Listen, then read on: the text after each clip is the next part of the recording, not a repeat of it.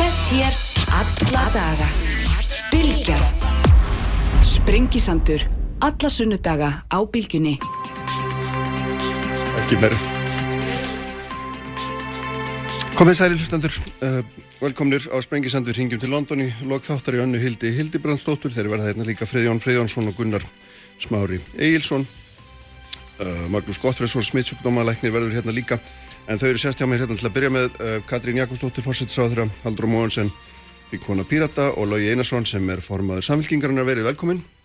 Takk fyrir. Og hérna, við ætlum aðeins að ræða efnarsláðstæðurins ríkistjórnarinnar og svona, maður getur sagt um það að hérna, fyrstu aðgerðunar voru kannski svona ómdeildar og, og, og, og lítigakvindar, öllítið meira bara því þegar að uh, aðgerð nr. 2 voru tilkynntar og svo núna í þriðaskipti þá svona uh, hveður við kvassari tón getur við sagt og hérna haldur að það er aukt að þú byrja vegna þess að þið hafi sendt frá ykkur álíktun hérna píratarnir og og þið talið um þetta sé algjörlega stefnulust, metnaðalust, sé engi framtíðasín í þessum hérna, aðgerðum ríkstjórnar nema það er það sem að þið segið í yfirlýsingu við- og nú er það að standa við stóru orðin Við auglýstum eftir Já, einmitt. ríkistjórnarinnar. Já, Nei, sko, ég las aldrei áhugaverða grein í gær eftir hann, hérna, Haldur Armand Áskersson, þar sem hann bendir á að almenningur eða fólki í landinu við þurfum að leggja fyrir og spara til þess að eiga fyrir óvæntum áfællum og meðan að aðra reglur verið skilda fyrir fyrirtæki þar sem að núna er bara ríkistjórnir að hlaupa undir bakka með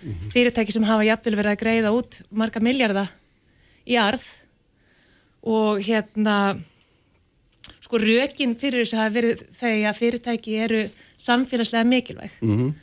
en þá, þá spyr maður sig sko, er fólki í landinu ekki samfélagslega mikilvægt? Nú, fólki vinnur náttúrulega allt hjá fyrirtækjum Já, sjálfsögðu, en, en samt sem áður nú erum við að horfa fram á það að það eru aðgerðir sem eru algjörlega á skjön við hvort annað. Þú veist, hlutabótalegin byrjar Mhm. í, og hérna markmiðið er náttúrulega að koma í veg fyrir uppsagnir sem að þetta er eitthvað sem var notað eftir hrun og, og, og þetta er svo meikaði alveg sens að pröfa þetta. En þá voru rökin fyrir því að það mætti ekki hækka atvinnuleysisbætur þær að það væri ekki sérst réttu kvati sem fælst í því að hækka atvinnuleysisbætur þegar við erum að reyna að koma í veg fyrir að fólk segja upp eða að fólki sé sagt upp. En svo núna þá er allt í einu er ríkistjóður að fara auðvelda fyrirtækjum að segja fólki upp með því að greiða uppsagnarfrest. Þannig að það eru svona aðgerðir sem að mér finnst vera stefnuleysar og skorta döldi svona þessa heildrænu sín en sko COVID-19 heimsfaraldurinn í samband við tæknibreitingar og fjórið innbyltinguna er svona búin að breyta samfélaginu í grundvallar atriðum. Þannig að það er ekki góð áhersla kannski að dæla bara peningum í allt það sem skapaði tekjur áður. Þú veist, hagkerfið sem við höfum búið við er líka orsök lofslagsbreytinga, mikillir streitu í lífi fólks um, og bara misskiptingu. Þannig að við höfum fulla ástæði til þess að fara að byggja upp á nýtt. Og í Þannig að staðinn þessum fyrir að fáu vera- vikum sem liðnar eru frá þetta svona varð Já. að þessari heimskreppu þá er þú vilja sjá ríkistjórn Íslands eitthvað meginn bara skipta alveg um kúrs og, og horfa alltaf upp í sér fram á veginn. Þú ert í raun og verið að byggja um það. ég hefði viljað sjá skiliðingar við Mhm. ríkis hérna aðstóð til fyrirtækja til þess að skoða það frekar að fyrirtæki séu til þess ekki með fjármagni í, í hérna í, uh, skal ég segja, er skattaskjólum. Mhm. að þetta séu ekki fyrirtæki sem eru að fara að greiða út arð, þetta er eitthvað sem glemdist í hlutabótaleginu og komið í veg fyrir það að fyrirtæki séu að greiða út arð setna mér. Það er þetta að tala um fyrirtæki sem fá brúalán eða stuðningslán vantanlega, en, var- en er þetta ekki allt saman búið að tryggja þetta? Í, að jú, sé- stjórnaranstaðan tryði þetta í nefndarvinninni en þetta glemdist í hlutabótaleginni en svo eru aðri vinklar á þessu eins og líka að gera skilirði fyrir því til dæmis við getum verið að skoða það hvernig umhverfistefna fyrirtækja er. Eða þegar við erum að gefa styrki í nýsköpunasjóði og annað sem við þurfum að stór auka í nýsköpuna rannsóknir að, að horfa fram á hvort að þetta séu græna lausnir sem við erum að styrkja út frá loftasmálum og umhverfismálum og fleira. Þannig að mér finnst bara vanta ykkur svona framsækni og hugrekki og heildar sín í þessar aðgerði. Við eigum ekki bara að vera að enduræsa gamla hagkerfi, heldur raunverulega að vera að horfa fram á hvernig heimurinn er að breytast og í raun og vera að endur stilla hagkerfi og skoða þetta út frá hvernig samfélagi við viljum lifa í framtíðin og taka stökk í átt að því. Ég held að hérna, hér séu nokkur aðrið, Katrín, sem þú þarfst að hérna, áarpa. Já, um, sko það skiptir mála að við veltum því fyrir okkur um hvað snýst þessi kreppa. Þetta er ekki sama kreppa á síðast og þessi kreppa byrtist fyrst og fremst í mjög miklu atvinnuleysi og við erum að sjá mesta atvinnuleysi á lífildistímanum hér á Íslandi og það er risastórt mál fyrir fólki í landinu. Þess vegna hlýtur okkar markmið allra að vera að halda uppi atvinnustígi í landinu. Hvernig gerum við það? Jú, við gerum það til að mynda með hlutastarfarleðinni. Akkur var hún opinn? Jú, vegna þess að með henni viljum við þá forgangsraða því að við séum að tryggja störf og tryggja lífsafkomi fólks og það var unni til að mynda í samráði við aðalega vinnumarkarins að það væri mikið vægt að fyrirtæki getur nýst sér þessa leið sem, með sem einföldustum hætti. Síðan liggur alveg fyrir að við stöndum frammi fyrir breytingum. Ferðarþjónust á Íslandi mun taka breytingum uh, við þennan faraldur og það gagnast ferðarþjónustun á Íslandi til að mynda ekki að vera með fólk í hlutastörfum ef ekki er ferðarmannunum til að dreifa. Það er svo einfalt. Og þá förum við þá leið að einfalda fyrirtækjum fjárhæslega endurskipulagningu sem þau munu þurfa að ráðast í mörg hver og styðja þau til að greiða launi uppsagnarfresti. Akkur eru við að gera það? Jú, við þurfum að tryggja réttindi launafólks. Mm -hmm. Hvernig gerum við það? Viljum við frekar að fyrirtækinn fari í þrótt og ábyrðasjóðu launa, taki þetta að sér? Nei, við erum að horfa til þess að fyrirtækinn geti þá Uh, ef aðstæður eru fyrir hendi og fjárhæslega endurskipulagning tekst að þau geti þá staðið upp aftur og nýju mm -hmm. eftir þessa kreppu sem við vitum auðvitað en ekki hversu lengi varir.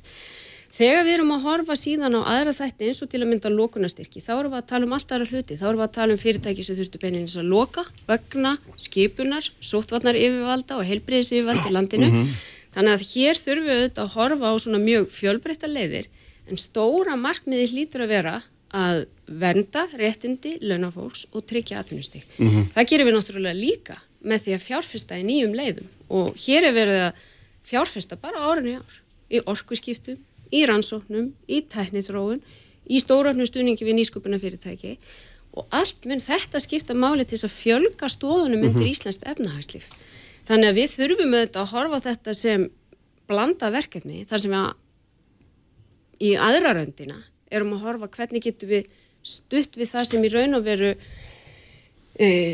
hvað getur við sagt verður fyrir gríðalög áfalli sem er ekkert mm -hmm. skapað af neinum öðrum en bara þessari veiru mm -hmm. og mhm. sótvannar ástum og það er líka það sem gerir þessa kreppu sérstaka er að það er ekki vegna mm þess að eitthvað hafi gerst það, að það hafi orðið einhvers konar markasprestur eða eitthvað slíkt nei, nei. heldur vegna þess að við erum að eiga við þennan ofriðsjáanlega óvinn og hins vegar þurfum við að horfa til framtíðar með því að fjárfesta í, í fjölbreytni. Og því tölir því séu búin að því að þurfum ekki að leggja það sérstakka áherslu í þessum hérna, aðgerðum. Já, við vorum að... Það er. Já, við erum hér með til með umfjölduna til dæmis inni í þinginu bara núna aukna styrki til nýsköpunar, svo dæmis er tekið mm -hmm. og það er eitthvað sem mér hefur heist, já, ég veit ekki allir, en lang flestir stjórnmálaflokkar leggja ást á.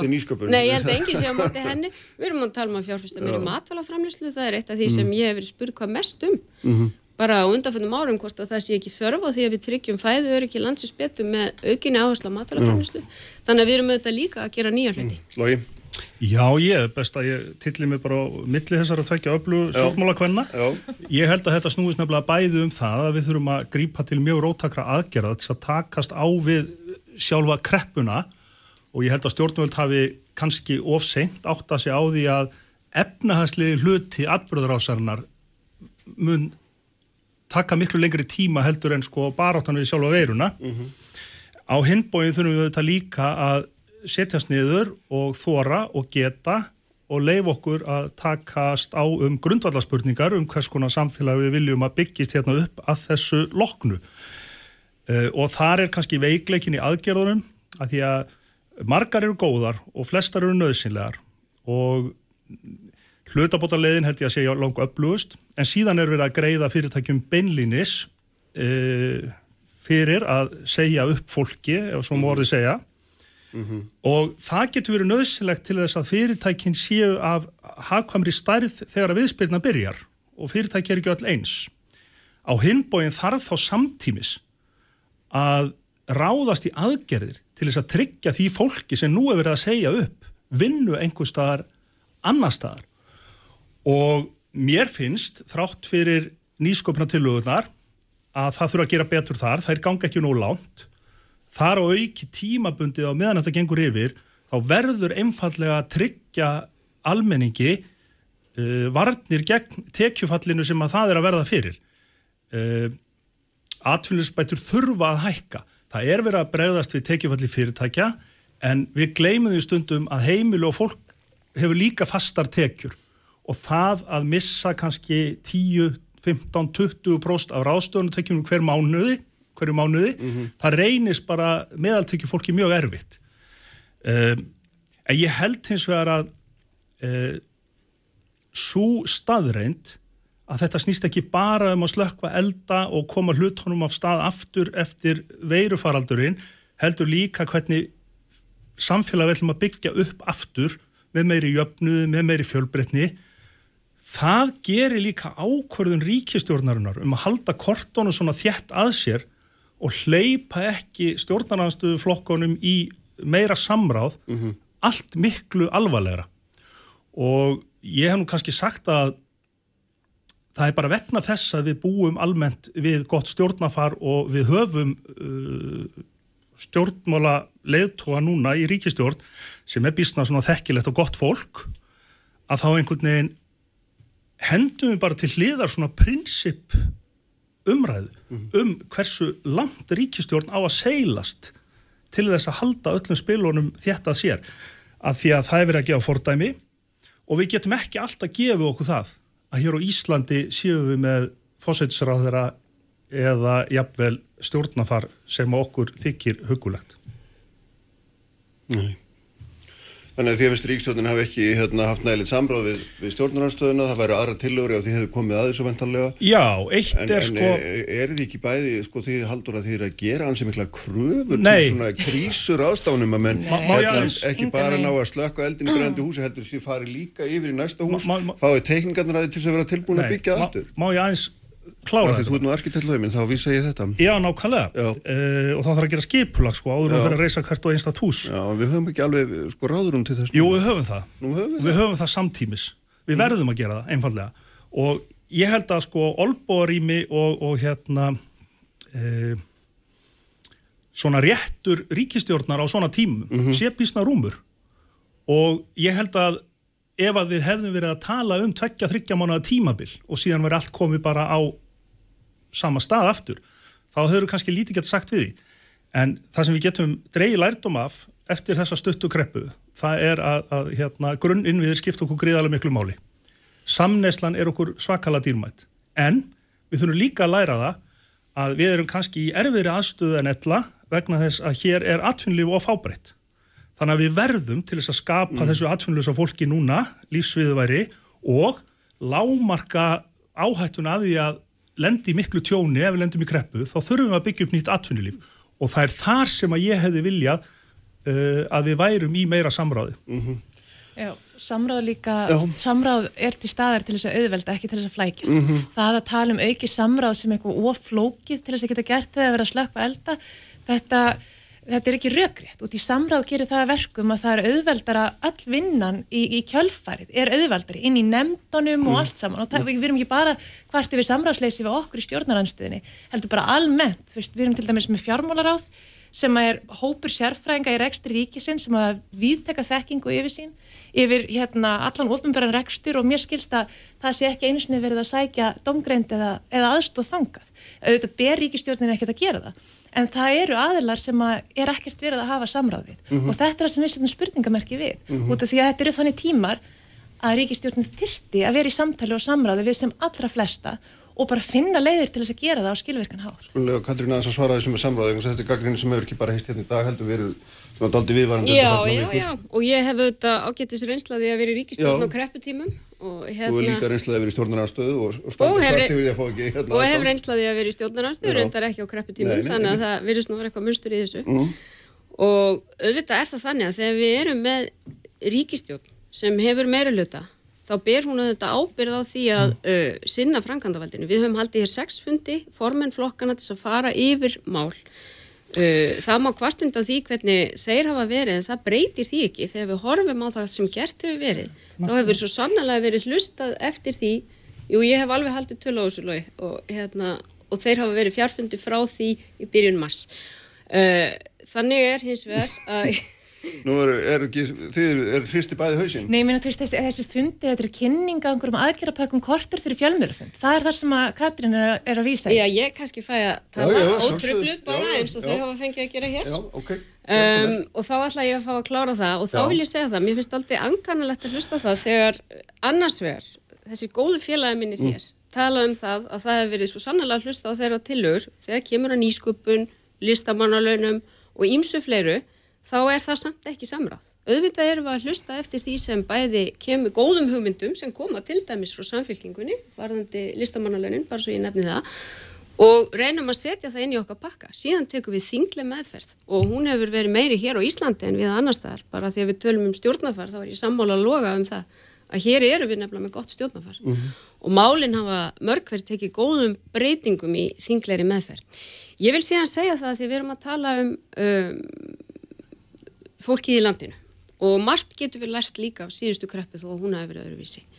Og mér fannst uh, það kannski ekki alveg ná í gegnreinlega hvað miklu skiptir að við erum að grýpa inn í miklu fyrr núna með ímsan félagslegan og andlegan stuðning fyrir fólki í landinu. Því það er alveg rétt að svona kreppa tekur á. Og við fundum það svo sannlega hér eftir kreppuna 2008 mm -hmm. sem var nú líka erfið að eiga við, að þá hefðu við á mörguleiti geta gripið fyrr inni en við erum að koma hér strax inn með bæði félagslega og heilbriðisúræði, við erum að koma inn með sumastörf fyrir námsmenn sem eru auðvitað risastúrt mál, við erum að koma inn með sérstakann stuðning, til dæmis í gegnum sveitafélagin fyrir börn til að geta haldið áfram að stunda tómstundastarf og annað, við erum að setja sérstakka fjármunni í skapandi greinar og íþróttastarf sem hefur auðvitað uh, lendi í miklum mhm. hremmingum í þessu þannig að við þurfum auðvitað að horfa á þessa held uh, þegar við erum að ráðast í það hvað við erum að gera og ég nefndi hér að þetta væri á einhvern nátt blanda aðgerða þar að segja að horfa hvernig við getum stutt við þá sem eru fyrir í rekstri sem hérna, munlendi erfileikum hvernig við getum búið til nýtækifæri fyrir fólki í landinu og hvernig getum, við getum sömuleiði stutt félagslega við fólki í landinu mm. og ég held að það sé þannig þó að ég mér bránum kannski svolítið þegar ég uh, hlusta á logi gæri fréttum uh, einhver staðar á annari hvori stöðinni að tala um að við þurftum að byggja upp á rústónum sem samfélagi væri en ég er ánað að heyra að hann tala hér um öfluga grunn innviði því ef við getum dreyðið einhvern lærdom að þessari kreppu mm -hmm. þá er mhm. það hvað við eigum öfluga grunn innvið mm -hmm. við sjáum það bara þegar við berum okkur saman við önnu land hvernig heilbríðiskerfið okkar bregst við, hvernig skólakerfið okkar mhm. bregst við.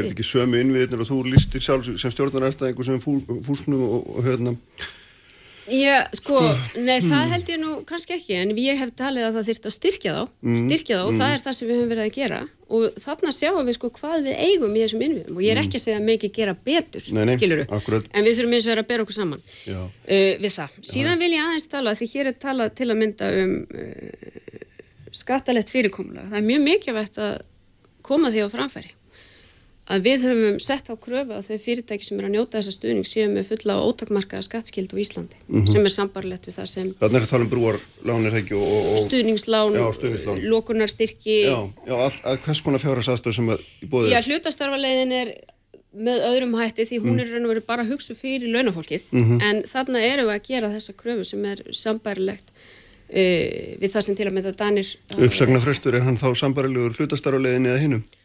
Um, já, nú eru frumverfin ekki komin fram en mm. við munum gera þessu sömu kröfu mm -hmm. uh, í þeim, þau eru í vinslu mm -hmm.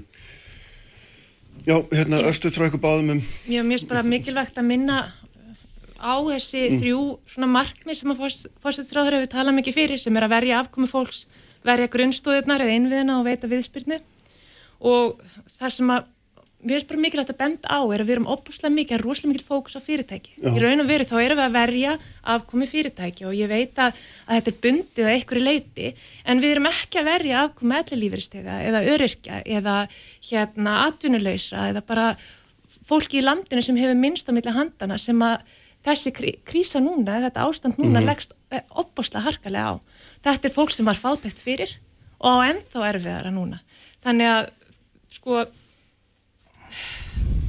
þegar við erum að tala um að verja grunnstóðir mm -hmm. þá finnst við bara mikilvægt að benda á nú eru hjúknarfræðingar og lauraglann búin að vera samningsleis í meira en ár veist, þetta er hluti af grunnstóðunum okkar mm -hmm. og það er óskiljilegt að það sé ekki verið að semja við þessar skeftir. Þannig að það var nýbúið að semja við hjúknarfræðingar, má ekki glemja því. Já, já, en, en já, já, það fæltu samningin út af því að hann var auðvitað ekki nægilega góður. Mm -hmm.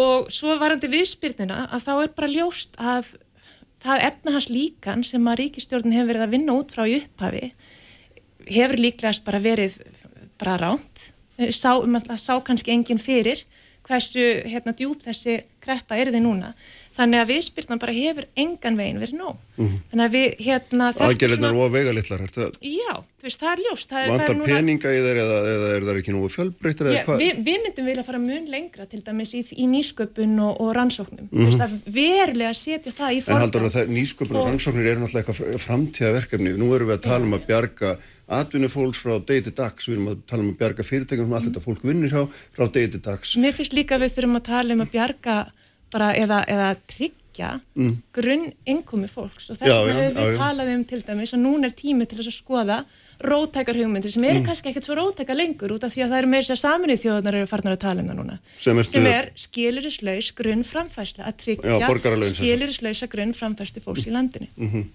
Lægi, Já, einhver leiti eru við þetta með það í gegnum mm. alvana tryggingakerfið fyrir þá sem þurfa og við þurfum hins vegar að styrkja það. Við þurfum auðvitað að hækka uh, örorku og ellilíferis uh, launin og við þurfum auðvitað að hækka atvinninsbætur. En það er rétt hjá Katrínu að auðvitað gerðum við tölverða breytingar á þessum frumvörpum og við höfum unnið ágætlega í þingleiri meðferð en í samhengi við þetta sem ég sagði áðan það má ekki gleyma því líka að það hefur verið þrengt að störfin þingsins vegna veirunar. Ég nefndi rústir ekki vegna þess að mér finnist allt hand ónýtt á Íslandi, heldur að hér er efnahagslífið í rúst og við þurfum að byggja það upp að stórun leiti. eh, en við þurfum hins vegar líka að styrkja grunnþjónustun okkar. Hér er að verða gríðalega breytingar, samfara tæknibildingunni, eh, breyting á aldursamsetningu þjóðarinnar, Við erum með undirmönnuð uh, störf í heilbriðis og umununar kerfin okkar og þurfum að bæta þar við. Þannig að okkur gefst þarna einstak tækifæri til þess að uh, ráða fólki í vinnu. Við getum á sama tíma fjölgað ofinböru störfum talsvert um leið og við þurfum að, að, að byggja upp uh, hérna, viðspyrnu fyrir engamarkaðin. Og mér dettur þar í hug að... við erum að stöndur náttúrulega frammi fyrir því algjöru tekjur hruni, ekki bara enga eða heldur ríki líka. Þú verður að taka tillit til þess að allir þessi peningar sem þetta kostar, þeir eru ekki til. Ég gerum mig grein fyrir því. Já. Þannig að við þurfum að fá verðmæta sköpun af stað aftur. Já, en það getur líka verið býstna dýrt að spara Mhm. við þessar aðstæður. Vegna þess að við erum væntanlega í einhverju, Við erum að fara í 300 miljardar halla, Vi- vi- er það ekki nóg? jú það er auðvitað mikið, Mm. en hins vegar þurfum við að gera það sem við getum núna til þess að hér geti fólk lifað. Mhm. Því að þrátt fyrir allt, þá er ríkið til fyrir fólkið en ekki fólkið fyrir ríkið. Og við eigum eftir, eins og ríkstjórnin sjálf hefur sagt, að þurfa að grípa til stærri aðgerða. En það er ekkert sem útilokkar að við séum núna að reyna að bjarga efnaðarslífinu, koma því á lappirnar með mik miklu fjárfestingum í grænum lausnum, almenni samgöngum, styttingu, leiða, uh, örugari húsnæðismarkaði fyrir fólk á sama tíma og við reynum svo að fara að huga að því að nýsköpun og hugvitið leiki stærri hluti en það mun taka mörg ár en við þurfum að byrja á því núna og, og hérna þannig að það útilokkar ekki til. En það sem ég er að nefna það er að um þá framtíð sem að puttar nær sig að mörg ár fram í tíman þurfum við að eiga samráð. Já, einmitt. Hérna, sko, tónin er, er aldrei þessi og hefur verið við og þau eru bæði þarna og, og kannski hérna er það ekki, ekki dundalegt að það er alltaf mikil áherslu á fyrirtæki. Alltaf lítil áherslu á fólk. Og segðu mér hans hvernig þú hugsar þetta vegna að við höfum talað mikið og ég er segjum það líka að tala mjög mikið um fyrirtækin, ráðstafnir í garð þeirra en miklu minna kannski eins og haldur og nefnir til þeirra hópa sem að hérna, til þeirra hópa sem að uh, standa vest, stóðu vest fyrir. Já, þetta þetta tengist bara því sem ég saði hér í upphæði míns máls. Hvern, hvert er eðlið þessara kreppu? Það er þessi mikli atvinnumissir vegna tekjufalls heila greinar, ferðarþjónustunar og afleitra greina. Og við þurfum auðvitað að bregðast við kreppum eins og þær eru. Síðasta kreppa var allt öðruvísi. Hún gerðist í raun og veru á fjármálamarkaði og laut allt öðrum lögmálum. Nú þegar við erum að horfa á þessa kreppu, þá er þetta stærsta velsaldarmálið. Það er að reyna að tryggja hér atvinnustig. Það er það sem við erum að gera með þessu. Þannig að við getum bara ekkit rifið þetta í sundur þó að það hendi í umræðu. Síðan má spyrja sig, þegar sagt er að viðspyrna sé ekki næjanleg. Við erum enn í samkomiðbanni. Við ætlum að taka fyrstu skrefi að aflétta því á morgun. Og við meðum ekki gleyma því að efnahags aðgerðirnar, þær ráðast auðvitað líka bara af því hvernig þessi faraldur mun þróast. Já. Þegar við erum að tala um þá stöðu sem við erum í núna, þar sem hér. landamæri eru lókuð til 15. mæ og mjög hugsanlega lengur, þá hérna hefur það sjálfsögðu áhrif fyrir samfélag. Þar sem hátt í 40% útflutnistekna ásins í fyrra komið frá ferðarþjónustu. Þannig að þetta þurfum við að eiga við uh, og við þurfum líka að vera að raunsa í okkar markmið. Við erum að setja mjög svo auki fyrir í grunnrannsóknir og tæknithróun og stuðning svo við nýsköpuna fyrirtækin, nokkuð sem hefur verið á dagskrá en við erum að flýta í raun og veru Það vegna er þessa samt ástands. ekkert ofsalega Það mikið mun- nýr peningur í þessu. Þetta eru mjög mikið frestanir á greiðslum.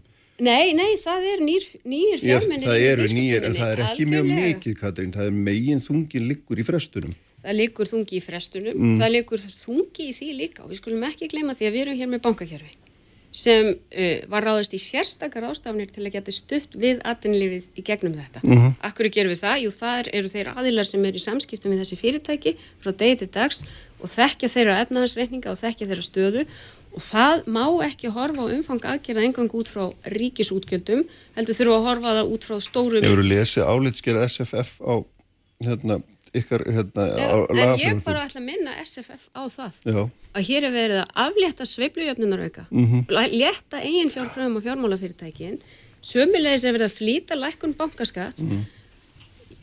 það er verið að gefa fjármálafyrirtækjunum mikið svirum til að við, ég- þó að þau vilji meira svirum. já, Það er bara þannig. Já, en, þau, það þau er, eru strax byrjuð að hérna, setja upp alls konar varnagla eins og þau lesið. Já, þau vil já. ekki afgreða stuðníslánin nema það sé 100% að þau ber ekki ábyrða þeim.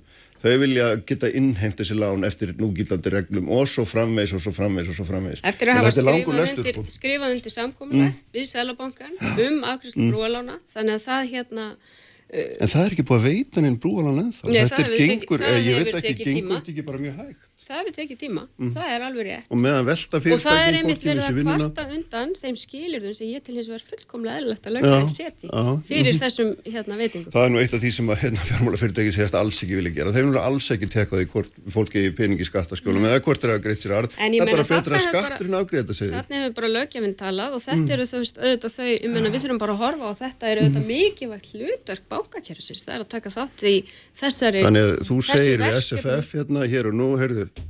auðvitað vinnið vinn ykkar og hætti þessu röfli. Ég er bara full að trúa því að þau uh, muni taka þátt í þessu verkefni með okkur sem er auðvitað að, að Mm. þau eru í hennum daglegu samskiptum við öll þessi fyrirtæki í landinu. Mm.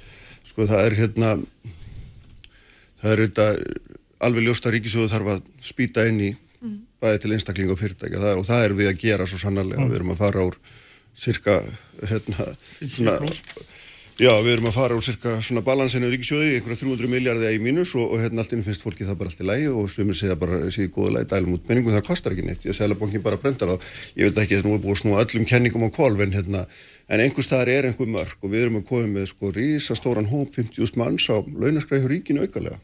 Og hérna, og erum að borga uppsagnarfresti, ég veit ekki hvað mörgum, veist, ég veit ekki, þetta er ekkit glæsli sín sko. Sko, Logi átti mjög áhugavert samtal við fjármálaráð í óundubúnum um daginn Mm. þar sem að verið að ræða sérst Æslandir og, og hérna og sérst styrki til Æslandir og þessu hugmyndum hvort að ríkið ætti þá eignast hlut í félaginu Já. og þá einmitt fór fjármálaráð þeirra út, í- út í það að ásaka samfylkinguna fyrir, að vilja eignast hlut í öllum fyrirtækjum á landinu en hérna, mér finnst þetta svo sem ekkit fyrst, mér finnst þetta ekkert galin hugmynd. Í raun og veru finnst mér mjög rökrétt að við myndum setja einhvers konar takmark eða einhverja uppæð segjum 10 miljardar, 9, 10 miljardar pluss ríkistyrkur beint inn í fyrirtæki að þá, þú veist, ættu við sjálfsög að skoða það hvort að ríkið eigi að eignast hlut í því fyrirtæki sem hefur verið að styrkja í svona opbáslega stórum upphæðum.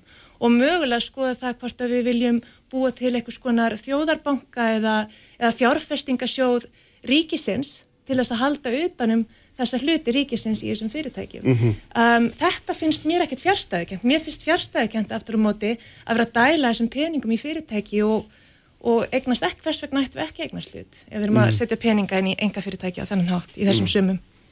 Lói, Já, varðandi nákvæmlega það.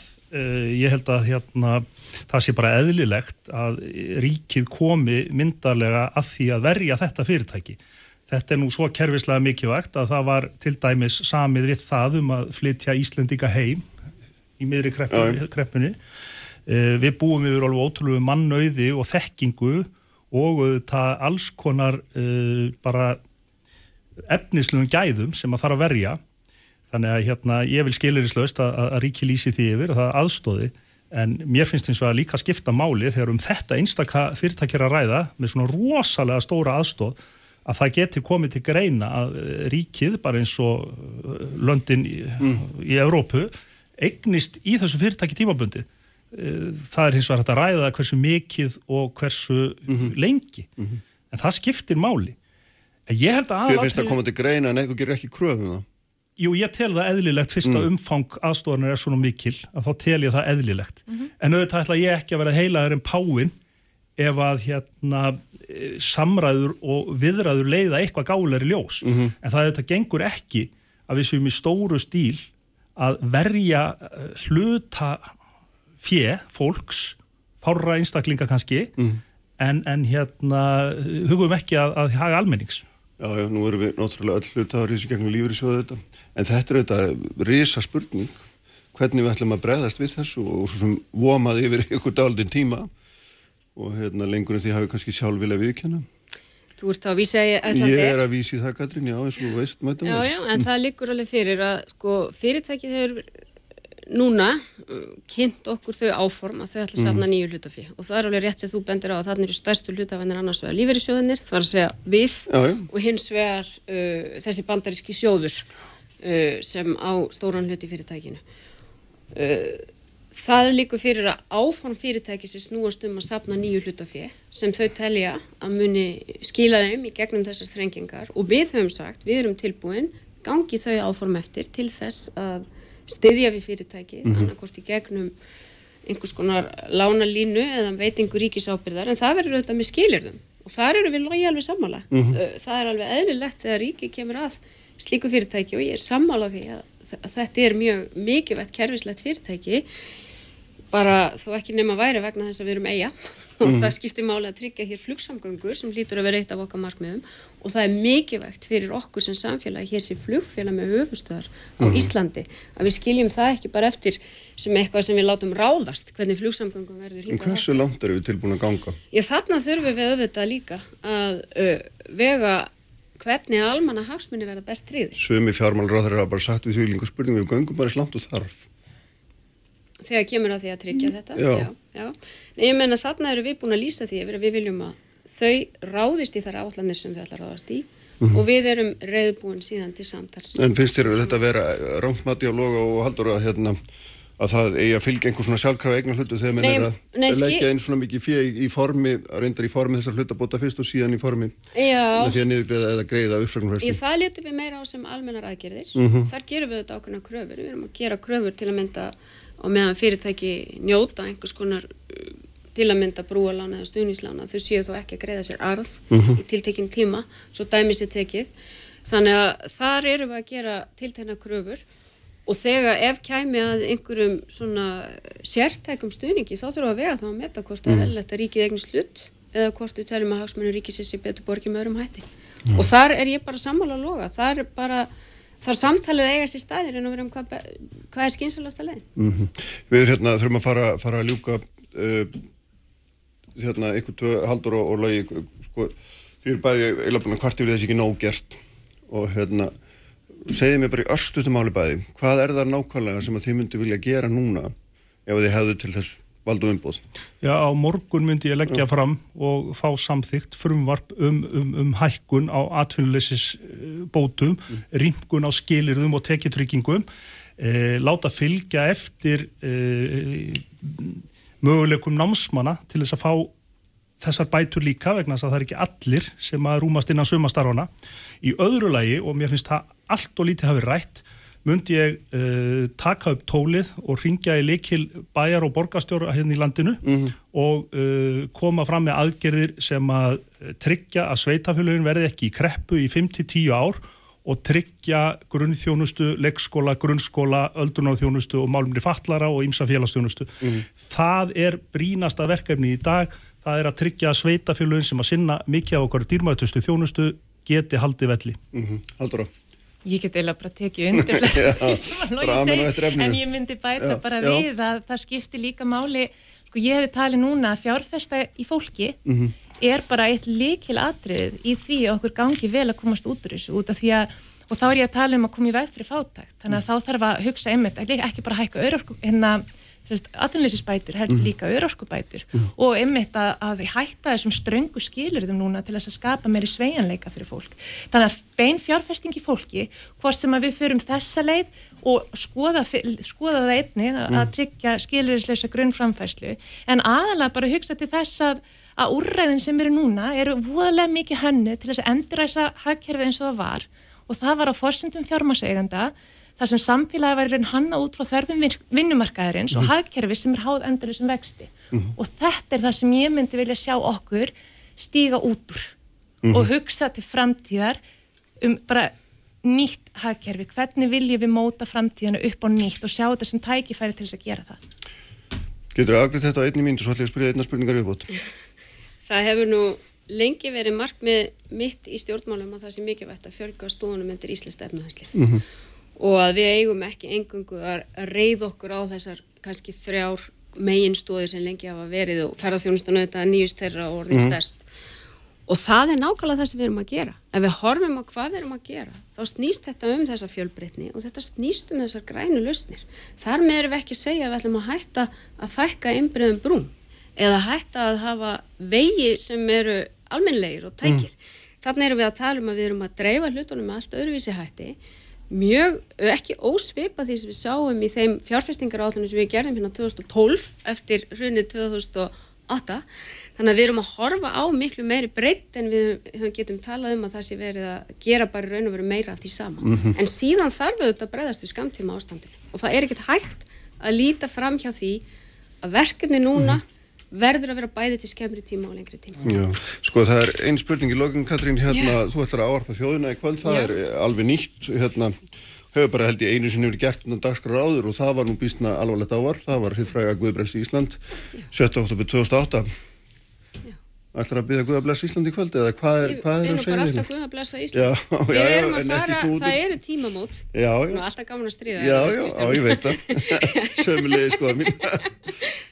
en sko, við erum á tímamótum af því nú erum við mm. að horfa á að við ætlum að fara í fyrstu afléttingu á samkomiðbanni í ástandi sem aldrei hefur verið áður á Íslandi með sambærlum mæti og það er ástæðan fyrir því að ég ætla að ávarpa þjóðuna mm. og mér finnst kannski að það mætti bara gera meira af því það þarf ekki endilega uh, að vera svo dramatíst í hvert sinn heldur ætla ég að fara bara yfir þá stöðu bæði sem mm. hefur verið hér frá 2008. februar þegar fyrsta smiti grendist og hvert við stefnum í kjölfærið. Mm -hmm. Því það er með sannig sagt og ég hef nú mjög gafan að fréttinu um að orðið fordamálust væri núna notað með fordamálusum hætti og hefur aldrei verið notað með þessum hætti aður. En það er bara staðan uh -huh. og, og það skiptir máli að við svona orienturum okkur og tökum stöðuna. Þannig að það verður enga drastíska tilkynningar um þetta efni.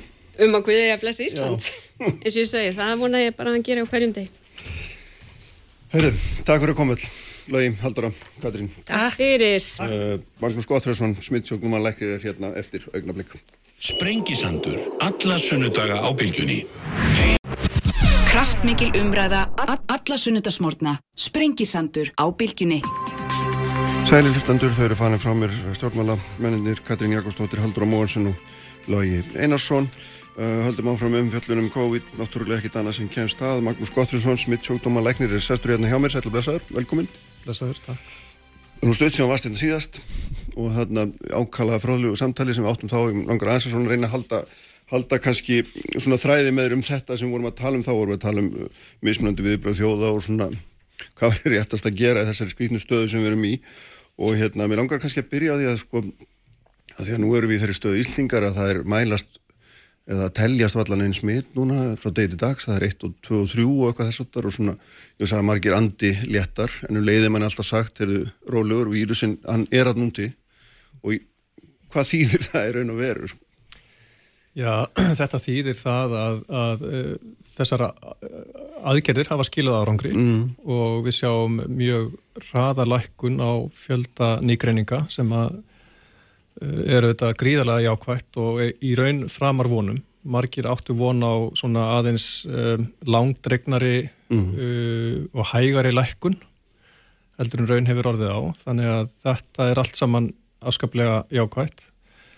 Á himbóin vitum við það að þetta er mjög smittandi uh, veira og við vitum það líka að uh, fólk getur smittað þegar það er engina löst mm -hmm. og við vitum líka að uh, fólk getur uh, verið smittandi út í samfélaginu án þess að greinast og án mm -hmm. þess að, að nokkur viti af því og það er auðvitað það sem þetta gengur svolítið út á þessi eldingarleikur mm -hmm og með því að tímasetja þetta svona þá eru menna reyna að eh, undirbyggja það að sá árangu sem að nást hefur að hann verði þá vananlegur eða allavega við getum haldið í horfinu með eh, þeim aðferðin sem að við búum yfir í dag. Mm -hmm. og uh, við þurfum líka að hafa það hugfast að þau smits við erum að greina í dag að þau áttu sér stað í flestum tilvægum fyrir kannski viku síðan jafnvel upp, allt upp í fjóra, 14 daga. Mm -hmm og þannig að og það sama gildur auðvitað að ef við eh, losum umhömlur að þá munum við ekki sjá afleðingarnar af því fyrr en kannski 14 dögum síðar mm -hmm. eða jafnvel síðar. Og þá getur verið bísna erfitt að stíga á bremsunar uh, og, uh, og það náttúrulega er engin aftur á bakgýr í, í þessum leik. Við getum ekki sagt, já við höfum skiptum skoðun og við ætlum að, að taka þetta tilbaka það sem við gerðum. Mm -hmm. og það þýðir það að, að öll skref þurfa að vera svolítið úthugsuð og uh, einföld í þeim skilningi að við hefum ekki verið að gera marga hluti í einu og það er það sem að þessi humdafræði gengur út á og, og það er það sem að vantarlega verður gert mm. eins og fram hefur komið mm. Þegar, þegar hérna, sótallanleikni segir sko, ég ger ekki mikið með töluna 0 og þú ert að taka undir það hún er ekki merkjum um hérna merkjum það að við séum laus ef svo má orðið komast Nei, ég held að það sé afskaplega óvarlegt að, að draga það álöftun. Um, það fer auðvitað eftir því hversu mikil ákjæfð er sett í greiningarferlið, mm -hmm. hversu mörg próf eru tekin og uh, við getum aldrei skimað alla, uh, þannig að það er ekki raunhaft markmið uh, og við þurfum að bera saman lengri tímabill. Það er ekki nóg að bera saman einn dag við annan, heldur mm -hmm. þurfum að skoða þetta yfir aðeins lengri tíma. Þannig að ég er alveg sammála því. Þetta þarf að skoðast í, í svona hildarsamhengi. En sko markmið okkar innanland slítur að vera að, ég getum að tala um það sem er eigða veirunni, hann er hún einhvern veginn hverfi úr okkar daglega lífi, úr okkar umhverfi, enginn smittist og hún sé ekki hérna. En samt þurfum við að vera varbergir það ekki, hún berst þá bara eftir öðrum leiðum er það ekki og það er eitthvað sem við getum ekki tryggt og hvaða svona, hvaða ráðstáni þurfa að vera viðvarandi í, með það sem við vitum í dag? Ég gerir ráð fyrir því að, að í fyrsta lagi þá þurfum við að, að breyta okkar uh, háttum að veruleguleiti uh, eins og við höfum gert mm -hmm. uh, og halda vög okkar. Fólk er greinilega mjög meðvitað um þessar smitleðir og það hefur skilað sér í, í lækkun annara síkinga og, og reyndar alveg stórkosleita að sjá tölurna frá hagstofunni þar sem að heldar dánatíni er reynilega lægri undarfernar vikur og mánuði heldurinn í miðalári Já. og það sýnir það að, að fólk hefur tekið þessi skilabóð til sín og, og, og verið mjög samvinsku samt í að reyna að fylgja þeim leðbenningu sem þar hafa verið gefnar og ég sé ekki annað en að við þurfum að, að minna fólk á þetta hugafar uh, og að uh, þó að það verði losað um hömlur og annað slíkt að þá munum við sennilega ekki fara í nákvæmlega sama farið aftur, all mm -hmm. handaböndin og famlögin og, mm -hmm. og mjög stórar fjöldasamkomur, það er ekki kannski komið að því ennþá og eh, hvað var það síðan eh, svona viðbröð gagvart uh, útlöndum og útlendingum og þá held ég að þau hljóti að taka mið af ástandi þeirra landa það, hvaðan sem, sem þeir ferðamenn koma mm -hmm og ef um er að ræða uh, svæði þar sem að samfélagsmitt er lítið sem ekkert nú þá er það í sjálf og sér umhverfi sem að er svipað okkar og þá má færa þá rauk fyrir því að menn þurfu ekki að hafa jafn mikla aðgátt en eins og staðan er núna í Evrópu að þá vitum við svo lítið um samfélagsmitt mm. og uh, það er svo breytilt eftir löndum og við þurftum þá líka að vita meira um ferðalög þeirra sem að væra kominga, það er ekki nóg að vita sko, hvaða litur er á vegabrifinu heldur hvar viðkomandi var Já. og um, þannig að eins og staðan er núna þá sé ég fyrir mér að annarkvort þurfi ferða fólk að, að fara í sótkví uh, eða eins og hefur verið ymbrað á í einhverjum sérstökum tilvíkum að þá er hægt að uh, taka próf og eins og talaður um mm. varandi kvikmyndagerða fólk og annað slíkt og, og reyna að hafa það í þjættum hópi sem að ekki blandast inn í samfélagið og, og vakta þann hóp mm -hmm. og þannig að ef svo líklega vildi til að einhverju bæri með sér smitt þá var þetta að breyðast við því strax og, og komið vekk fyrir það að það næði útbreyslu mm -hmm. Hvað er svona þegar þú tala um sótkvíð þá tala um allir almenni ferðarmenn sem komið til Íslands þurfa að fara í sótkvíð Ég er að, ég er að tala um það að, um, að við þurfum svolítið að hugsa þetta út frá smittættu uh, þeirra sem að er að koma mm -hmm. og uh, ef um er að ræða svæði þar sem að vel hefur tekist til að mm. ná stjórn á, á faraldrinum að þá er í sjálfu sér uh, ákveðin rauk fyrir því að vera með rýmri uh, eða, eða minni takmarkans. Já, akkurat. En ef við erum að ræða svæði þar sem að faraldurinn geysar uh, og samfélagsmynd er útbreytt að þá segir það sér sjálft að með því að hleypa ferðamönnum frá slíkum svæðum á nokkura takmarkana hingað það getur gert að engu allan þann ávinning mm. sem við höfum barist fyrir. Þannig ef ég telur fyrir þig Bandaríkin, Bredland, Spán, Ítalíu, Frakland, Belgíu, Holland þetta er allt land sem að við myndum við raun og veru bara þurfa að segja við hérna neyði miður. Þetta eru all land sem eru í miðin faraldri. Já. Og við, við sjáum alveg hvaða afleggingar það hefur uh, að hleypa ferðamönnum eða, eða, eða Íslendingum sem eru mm. á ferðalagi um þessi land og koma síðan aftur heim. Mm. Hvaða afleggingar það hefur eins og sannaðist hér í, í vetur. Mm. Hva, hvað þurfum við að vera að koma langt Magnús áður en að við getum einhvern veginn farið að hugsa til þess að fara í eitthvað svona svipa ferðamönstur við vorum Ég um, held að það sé svolítið í það, eins og ég sagði áðan að, að sömur af þessum breytingum sem að mælt hefur verið fyrir eru komna til að vera, mm. þanga til að við höfum bólöfni. Já. Ég held að það sé afskaplega ósennlegt að við náum hjarðónæmi og, og getum einhvern veginn aflett allum þessum hömlum vegna þess að mm. fólk er árið almennt bara hérna, varið með sínu náttúrulegu mótefnum. Já og meiri að í Svíþjóð og í Breitlandi sem, og í New York mm. þar sem að síkingin hefur geysað uh, og verið býstna hörð að þar uh, er hérðaónami mjög langt frá því að teljast fullnægjandi til þess ja. að hamla gegn útbreyslu. Ja. Þetta er náttúrulega feikilega fyrir allavega amatöra eins og mig svona áhugavert þetta hugta kjarðónami vegna þess að það er auðvitað og við erum með þetta svona næstirna hjá okkur svíjar segjast ofinbarlega ekki fylgja þessu en, en einhvern veginn svona þeir sem horfa bak við tölun að segja að það sé samt verið að gera það og kannski látum það eins líka með hluta. En ég minna þessi hugmynd einhvern veginn að hleypa svona veiru í gegnum samfélag til þess að byggja þetta náttúrulega ónæmi er náttúrulega mjög, það getur að minnst þú veist verið gríðarlega kostnæðarsamt og þannig er einhver, einhver veðmál sem að ég minna, ef ef að við sjáum fram á það að hagkerfið og, og ferðarþjónusta almennt hér annar staðar eitthvað með bara stoppar í mjög marga mánuði til viðbútar einhver ár vegna þess að við höfum ekki náð hjarð ónami hvað, þú veist?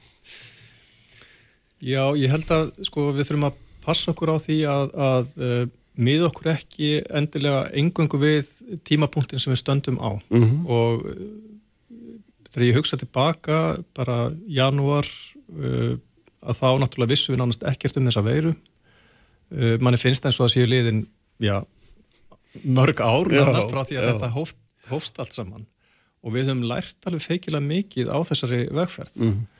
og við erum bæði náttúrulega miklu öflur í því að greina uh, við erum öflur í að reykja smitt, við erum öflur í að koma fólki skipulega í sóttkví og ég held að heimurinn sé líka að læra mikilvægi allra þessara rástafana þannig að okkar geta til þess að takast á við þetta er önnur og meiri vil ég mhm. segja heldur nú var í byrjun við erum búin að skilgrina þennan óvinn betur heldur en áður var og ég efast ekki um það að, að þekkingin mun síðan fleit okkur áfram mhm. bæði hvað varðar uh, úrræði eins og livjameðferð, uh, þróum bóluefna og annað slíkt og ég held að sé líka svolítið mikilvægt að hafa það hugfast þegar við erum að tala um skadan af, af þessu að Já, það er auðvitað deginu ljósara, það stefnir í heimskreppu mm. en uh, við þurfum líka að muna það að það voru allir kostir í stöðinu voru slæmir mm -hmm. og uh, það hefur sínt sig að þjóðfélag sem að bregðast uh, lítið sem ekkert við uh, hamförum að þessu tægi uh, og, og hleypa bara faraldunum í gegn, mm. þau eru lengur að jafna sig þannig að það er ekki eins og það sé hægt að stilla dæmin upp þannig, já við skulum bara játa okkur sigruð og horfast bara í augu við raunveruleikan, þetta er bara tapað spil frá byrjun slík ákverðun er fyrir uppi staði kannski skadalegasta ákvörðunin sem að mm. menn taka og það er náttúrulega um þetta sem að slagurinn stendur. Já, já, já, já nákvæmlega sko maður sér að þarna sem að vittnum enn og aftur í Svíþjóð það er svona, svo nært þetta dæmi að það er hérna, það er náttúrulega þess að deilur svo hávarir akkurat í augnablikinu að, hérna, það vilist eins og Svíþjóð meina svona þeir sé að horfa landin í framtíðina og ætla að taka á sig ákveðin skell núna vegna þess að svo ætla að búa til þetta hjarð ónæmi inn í framtíðina, ég veit ekki, ég skilda þannig að hérna, það hljóta að vera markmiði með, með þeirra aðferðafræði. Já, ég hef reynd að fylgjast með umræðin í Svíþjóð og hlustað á viðtölu þeirra fósfasmenn og um, það er alveg ljóst að, að reynsla þeirra mun nýtast okkur og öðrum vegna þess mm. að þeir hafa farið aðra leið og það er náttúrulega gríðarlega gaglegt fyrir okkur að, að reyna að læra af því sem að vel er gert og, og líka því sem að miður fyrr mm. En auðvitað þarf maður líka að hafa það að hugfast að aðstæður í öllum löndum eru mismunandi og, og breytilegar og, og uh, traust millir stjórnvalda og almennings til dæmis, uh, tungumálaörðuleikar, uh, opnun á landamæri, mm. kakvart nákvæmnaríkjum, innviðir helbriðiskerfisins. Þetta eru allt saman hluti sem maður þarf að taka tillit til þegar menn ákveða sínar hérna, rástafanir og, mm. og sín viðbröð. Þannig að það er ekki til einhver einn svona pottjett uppskrift held ég fyrir sko öll lönd Nei. og það þarf auðvitað að taka tillit til þess og svo er annað að það eru náttúrulega aldurstreyfing. Einn af ástæðum þess að þetta fór svona illa á Ítalíu var svo að þarna býr fólk sem að er nokkuð við aldur og, og, og, og þeir bara hreinlega lenda í því að smitt berst þarna eh, inn í samfélagið, eh, í raun og veru samfélag sem er mjög berskjaldað mm. fyrir mm. fylgjikvillum að þessari síkingu. Mm en í þjóðfélögum þar sem að meðalaldur er miklu lægri þá má gera ráð fyrir því að dánatalan verði þá samsarandi mm, lægri mm -hmm. En er að því að svo stundum sér maður sko að hérna, þegar að velta þessu fyrir sér nýðustafan verða alltaf svo sama á endanum það, hérna, það einhver, skipta einhver máli hvort þú beitir þessari aðfyrir í dag og því að á morgun komið það bara meiri skæð og endanum verður þetta alltaf svipað Já, þetta er svona eh, nýhílísk sín á heiminn, myndi ég segja og, og, það, og þá er náttúrulega innbyggt í, í, í þessa rauksendafæslu að, að að það skiptir engum máli hvað við gerum, við erum eh, bara dæmt til þess að verða leiksoppar örlegana mm. og, og ég held að það sé bara ekki svo Nei. og það er einmitt hugmyndina bak við það er aðgerð sem henn er að grýpa til að við erum að reyna að tryggja það að allir sem að veikjast að þeir fái fullnægandi þjónustu. Já. Ef við förum yfir uh, þau mörg sem að helbriðskerfi getur synd, nú þá ekst dánatíðinni ekki bara þeirra sem að fá COVID-síkingu heldur ekst líka dánatíðinni mm. annara sjúklinga, fólk mm. sem er með krabbamein, fólk sem er að fá uh, hjartaáföll, hjartabilun geðsjúdóma og annað slíkt. Mm. Þannig að þetta hefur svo margar aðrar liðaverkanir mm. Mm. og þess vegna held ég að það skiptir mjög miklu máli hvernig við bregðumst við og eins og ég sagði áðan að þá eh, bætist síðan við þetta að við erum stöðt að bæta við okkar þekkingu og nú eh, erum við með betri greiningapróf, mm. við skiljum veruna betur, við erum komið með eh, liv sem að sennilega geta haft jákvæða áhrif á framvönduna allt þetta skiptir miklu máli í viðbröðunum eh, til framtíðalitið uh. Og þess vegna held ég að öll þessi taktík sem að menn er að spila eftir, hún auðvitað gengur út á það að kaupa sér tíma Já. meðan við erum að finna betur inn á það hvernig þessi ofinnur hafa sér. Mm. Sko þetta langar að segja að því þú nefndi þekkingu þá erum við öðrum þræði að tala um hérna framleysla bóluefni, rannsóknul og því og svo framleyslu og hérna maður þarf ekki að leita mjög lengi til þess að finna svona efasandarattir í því líka ekki bara því sko hérna, að það finnist bólefni sem það náttúrulega örglega gerir en, en það er bara sko framlýslugetan og, hérna, og langar þess að spyrja því, veit ekki hvort þetta er kjánulegt sko, hversu, hversu umfangsmikið eða hversu margir, hversu stór hluti af heiminum þarf að fá bólefni þannig að það skipti einhverju máli, skilur mig Já, það er náttúrulega stóra spurningin í þessu öllu saman. Mm. Taktikinn eh, sem að lagt hefur verið upp með í, í þessu tilviki eh, náttúrulega grundallast á þessum gríðalögu hagsmunum sem eru undir. Og í stað þess að taka þetta svona í þessari röggrættu línulegu atbyrðarás þar sem að þú byrjar á, á rannsóknum og fer síðan í gegnum hvert skrifafættur öðru og tekur ákvarðun þegar niðurstöður likja fyrir að þá hafa menn reynd að stitta sér leið og og setja mörg verkefni af stað í einu. Nú eru eh, byrjaðar klíniskar prófanir á held ég sjö mismunandi bólöfnum mm -hmm. og það líkur líka fyrir að menn vilja uh, fjármagna uppbyggingu á verksmiðum sem að verða tilbúnar til þess að framleiða uh, mikið magn af bólöfni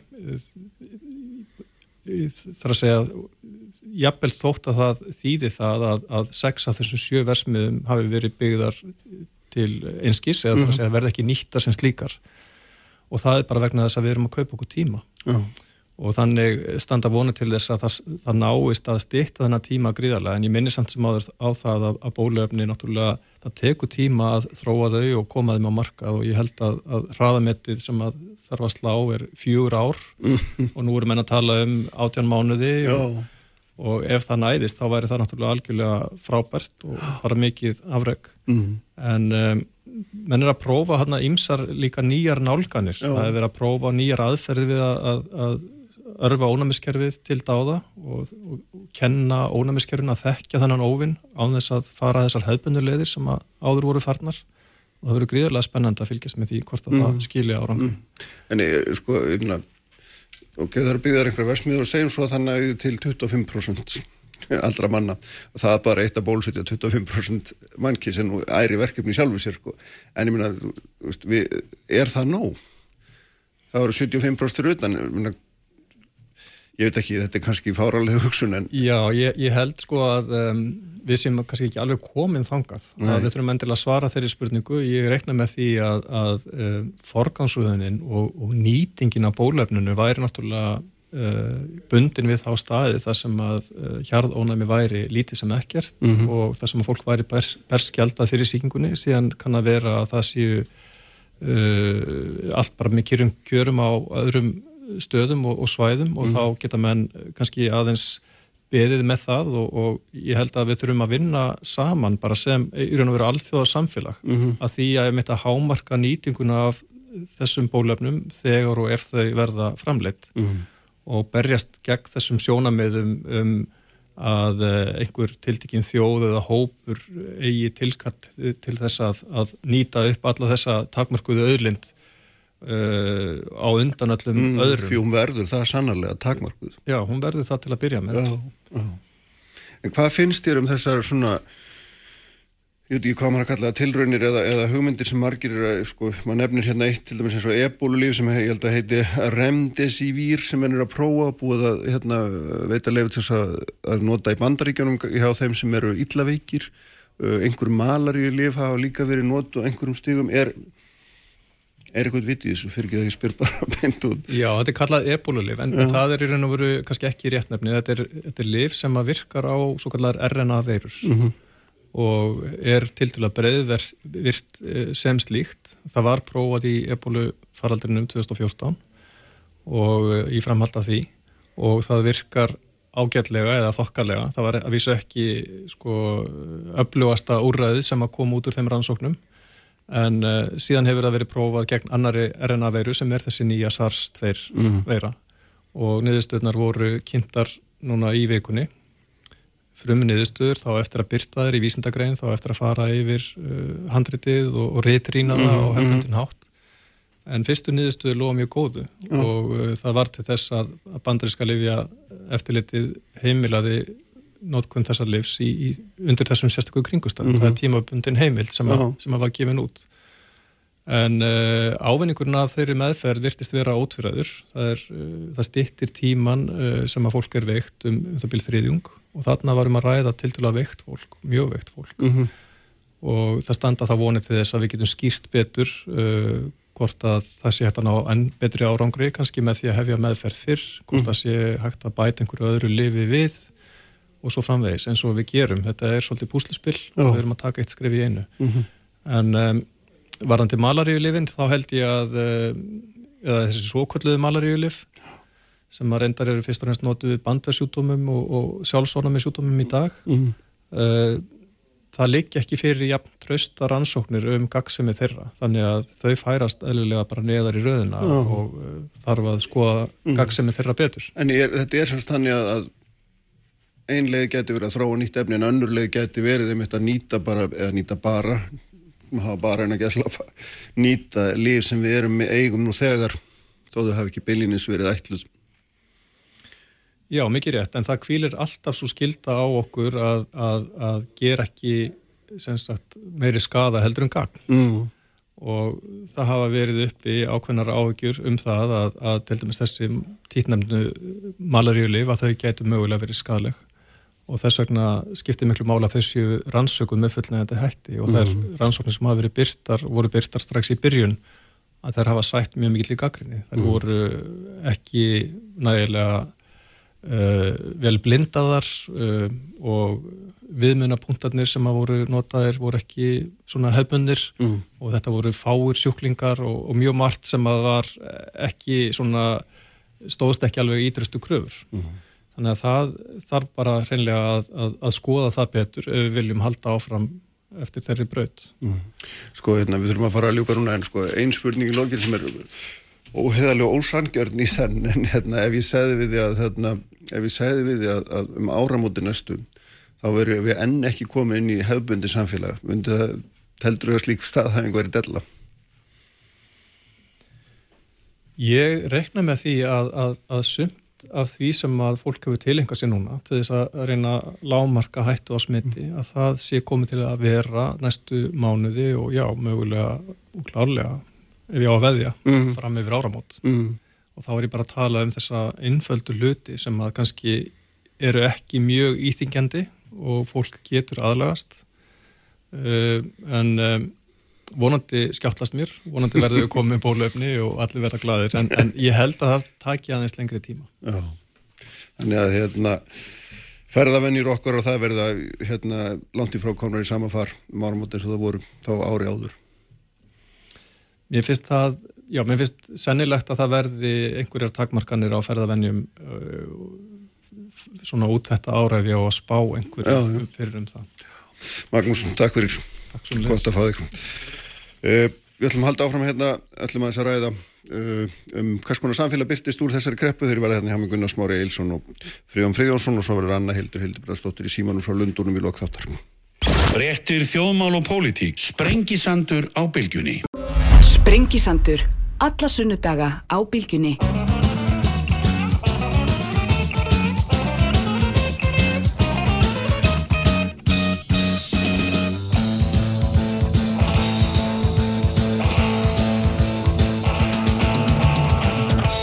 Sælir afturlustundur Magnús Gottfræðsson, smittsjókdómalæknir farin frá mér eftir fróðlegt yfirlitum um þessa miklu óvarum COVID-19 þeir eru sestir hjá mig Fríðan Fríðansson og Gunnar Smári Eilsson uh, við ætlum að ræða eða reyna svona kortleikja hvers konar samfélag kemur út úr út úr þessari miklu kreppu og hérna, þeir nálgist þetta nú aðeins úr ólíkri átteldi mér svo hótt að segja, Smári viltu byrja? Á þess að hérna, taka allan tíman hvað hva heldur að það gerist? Ég, hérna, margir eru þeirra skoðunar eins og þú veist að, að hérna, komi görbreytt samfélag úr. Við vorum þannig líka mikið 2008 hérna, en svo kannski var það ekki svo mikið breyting.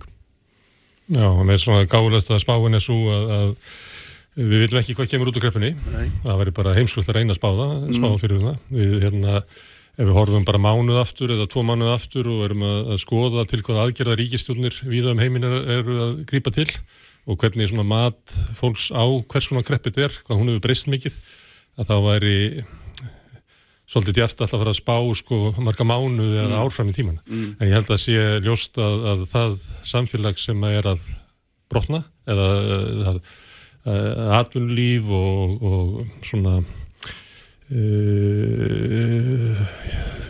peningamálastefna ríkisfjármálastefna sem að er að láta undan núna að, að svo stefna sem að var áður er kannski það ólíklegasta sem kemi þannig að minn spátum að verður það að við veitum ekki hvað kemur út úr þessu mm. nema að við getum alveg afskrifað að það komið það sama Já, þú veist það, heldur það já bara... Já, ég held að þetta séu það vega miklar eh, breytingar sem er að verða í, í ríkisfjármálum og peningamálastefnu þar sem að, að, að eh, særlabankar eru byrjaðar að, að, prenta peninga inn í ríkisjóð sem að, slítur eða fellir raunverulega gamla kenningun í frásökunar um sjálfstæði Sælabanka að, að Sælabankin eigi raunverulega tilhæra markanum en ekki ríkisvöldinu. Það er fallið. Það er enginn sem að, að bóðar það til dæmis nú er þetta í ríkisfjármálastöfn á Íslandi þannig að við verum að kannski fara út í halla ríkisjóðs á þessu áriðum 300 miljardar kannski kostar sko kreppan í allt 400 miljardar því að það mun eitthvað þessu fylgjast, fylgja inn í næsta ár. Uh, samkvæmt núverandi ríkisfjármálastefnu þá þarf að hafa jafnvægi á, á fjármálu ríkisins og fimm ára á tímabili þannig að það þurft að ná í alla þessa peninga með skattahækunum niðurskurði og þjónustu ríkisins skjaldtöku innan óbefra þjónustu sölu ríkisegna á þreymur árunum þar á eftir ég held að það sé engu sett eftir þetta í hug mm. ekki einu svona Íslandi þótt að, að menna hafi kannski ekki viðurkent að þessi eina stóðum nýfrásíkunar um, um, um hérna að reka svona hungurstefnu eftir, eftir hallari að hún sé fallin, að mm. þá ganga menn útráð því í allstæðri heiminum að, að þessi stefna sé farin þannig að það að við sem að fara inn í eitthvað svona tímabil aftur svipað og var eftir hrun um, ég finnst það bara það er ekki bóði sko Nei, Hvað segir þú Fríðan? Hvernig lítur þú út á þínum bæjardirum? Já, ég held að hérna ég held að sjálfur rétt hjá Gunnarsmára að, að það verði ekki reynd að, að ná þessu tilbaka á fimm árum. Ég held að það sé alveg rétt en ég held að hérna að svona uh, að grunn hérna uh, svona segfljótandi uh, kapital, tímin hérna og bara sagt, hvernig við fólk hugsaum og gerum verði til þess að við rennum aftur í mjög svipað horf mm -hmm. og við höfum verið að það verði áfram hérna, það verði engin stórkostleg bylting á samfélagi hérna, okkar mannana hérna á Vesturlundum uh, til, til, þegar til framtíðasækir heldur verði þetta áfram uh, opið og frjálst markaðsækjörfi og hérna uh, og hérna og tíminn mun auðvitað leiða það í ljós að, hérna, að, að það, það er hitt besta kerfi sem við búum við mögulega mm. þannig að hérna, ég held að, að það veri ekki stórkostlega breytingar En heldur ég til að segja því nú tala mér mikið um það í dag akkurat núna og, og þetta, horfa þá líka á síðustu krepna hérna, ríkisvaldið komin með afgerandi hætti þá og það er að gera það aftur núna og, hérna, og, og svona það, það séu mikil, miklu meiri verðmæti fólkin í ríkistarfsemi, helbriðskerfi, mentakerfi, félagskerfi, öllu heldur en að menn hafi vilja viðkjöna og það þurfa að íta miklu meira og betur undir þetta heldur en menn hafi gert. Þegar á þessum svona stefnum þar sem kannski frekar hefur verið áhuga á að skera niður skera niður ríkisútgöldu og hérna útvista verkefnum annað. Ég held að hérna Jú, ég menna við viðkjönum það og verðum viðkjönum það að þetta er, hérna, þetta er óbúslega mikilvæg hérna, starfsemi og við höfum ákveðið það hérna að hún er fjármögnuð á ofnböru fjö mm -hmm. og það breytist ekkert. Uh, hérna, hvort að við verðum sett meira, meiri peningar í það, um, ég þór ekki að spáða fyrir um það. Ég held að, að stjórnmálumenn séu bara eins og stjórnmálumenn hafi alltaf verið og, hérna, og muni halda fram að hegða sér eins og þær hafa alltaf hegða sér. Mm -hmm. uh, hérna, sækja hérna, vilja framkama, vilja hérna, uh, gera hluti, uh, vilja vera góður við sína umbjóðandur, uh, sömur eru misvitir og aðrir eru það ekki, þannig að hérna, við bara fáum þá pólitík sem við höfum skilið, eða ekki? Það verður loka neðstafan eins og alltaf. Hvað, hérna, þetta er svona Einn af enginum nýfrælsvíkina var að draga úr hérna, trú okkar á félagslegum lausnum og það átti við um að var grafið undan trú okkar á, á líðræðislegum verkefælisfélagum að, að, að dreyið úr umbóðið þeirra um, um hvað, um hvað verkefnisfélagin mættu fjallaðum ákverju þetta að hafa skoðun á, það var reynd að reykjað út í það að vera bara svona samningsaðilar við fyrirtækjaeigandur og vinnumarkaði og verkefnisfélagin ættu ekki hafa skoðunir á húsnæðismálum, helbriðismálum eða öllu því sem að reykja má til verkefnisbarat á síðustu öll við höfum svona hafa það í huga að það sem er einhvers verðmætti í skipulöður samfélagi okkar á millum var til út frá Eh, sósíliskri baráttu verkefnisfélagana. Það er uh, almenn heilbyrðistjónusta, almenn mentun, uh, örugt húsnæði, frí á sunnundugum, sumafrí, uh, barnagæsla, allt þetta er gert að kröfum og gegn hérna, baráttu fyrirtækjæganda. Uh, Það var dreigið úr hérna svona upp á 1980, þá var gert lítið úr þessu og látið uh, líta svo út að þeir sem að var í fórustu verkarsreifinguna væri nú bara hugskun raskat á sjálfum sér, því það er, það er, það er svona manngildi sugmynd nýfrálsíkunar, að allir hugsi bara raskat á sjálfum sér. Uh, Það var sama gert við henni líðræðslega vettvang sem að, að með afskiptu ríkisins byggðu upp það samfélag sem við höfum, ekki bara heilbriðiskerfi, mentakerfi, vegakerfi, hafnir, flugvelli. Uh, það er núna að vera að tala um að bjarga flugleðum sem er að halvu leiti sko, fyrirtæki sem var byggt upp af ríkinu. Uh, það voru byggðar upp með félagslegu afli samvinnurhefingarinnar og bæjarútgerða var byggður upp sjávarút úr Íslandi. Þetta var allt gert með, með, með ákvörðunum hins líðræðislega vettóns. Núna við þetta hrun sem við stöndum fram með fyrir núna kemur í ljós að það er ekkit afl í hennu svo kallaða enga framtæki og hennu svo kallaða markaði. Eina lausnin sem við höfum er að ná að skipta um uh, stýrikerfi og hugbúnað í stjórnmálafólkinu til þess að það byggju upp samfélag vegna þess að það er ekkit afl annars þar það er ekkit, það er ekkit að leita uh, hugmynd hérna uh, kapitalista og þeirra sem að elda þá er núna að við tökum hérna óbyrjur sjóði og gefum kapitalistum þá. Ég vonum að, þeir, að því að við höfum að trúa því að þeir séu einu sem að geta búið til störf. En þannig er það auðvitað ekki.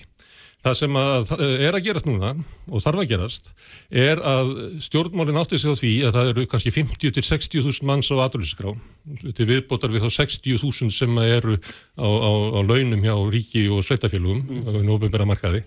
Þannig að, að óbyrjara er komið með kannski 100, 110 manns á launaskrá, mm -hmm. 120 í aðfell. Engamarkaðurinn, hann var áður 140.000 og það eru hornir af honum 50.000 manns. Þannig að það eru 37-40% aturleysi þar. Við getum beðið eftir því og haldið þessu fólki öllu á aturleysisbótum þangað til að, að enga gerin vaknar, þangað til að fyrsti túristin kemur aftur, eða við getum leitað í, í, í söguna og fundið leiðir til þess að skapa atvinnum með fjölbreytilegar hætti. Og atvinna á 2000-stöldinu, hún var skap, sköpuð með því að ríkigat búið til verksmiðu, mm. en það var líka búið til þess að samvinnufélög voru hérna, byggðuð upp, nú er búið að breyta lögun og þannig að það er næstu í lífsins ómúðulegt fyrir almenningastofna samvinnufélög sem að þó umbreyttu algjörlega allir í atvinnu í, í sveitum og landsins byggðuð upp yðnað á Íslandi, það var gert með samvinnufélugum, sjávarótturum var byggður upp með samvinnufélugum og bæjarútgjörðum eiginlega allt sem einhvers virði er í Íslandsku samfélagi var byggt með félagslegum afli og vilja fólksins til að móta í saminningu samfélags sem það vildi. Þetta með að allir hugsa raskat á sjálfisur og það detti eitthvað gott samfélag af himnum ofan við það það bara hefur engi trú á þessu nefnum einhverju menn sem bara vinna við það hafa trú á þessu. Samt er það nú þannig, hérna Gunnar, að sko á þessum 30-40 árum sem að verkefælislefingin hefur nú verið svo ómögulega að þínum aðti uh, og allt verið svona ómögulegt þá hefur kaupmáttur aldrei verið meiri uh, almennings.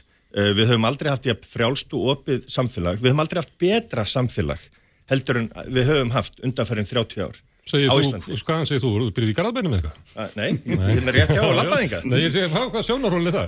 Ég, ég, við slum taka... Bíddu, leið- hver- leið- leið- fyrir þess að tala. Þú segir aldrei meiri kaupmáttur og þú- Já. hérna þið get ekki eignað eitthvað framtíðin og framþróun sko, sem á sér stað bara í samfélaginu.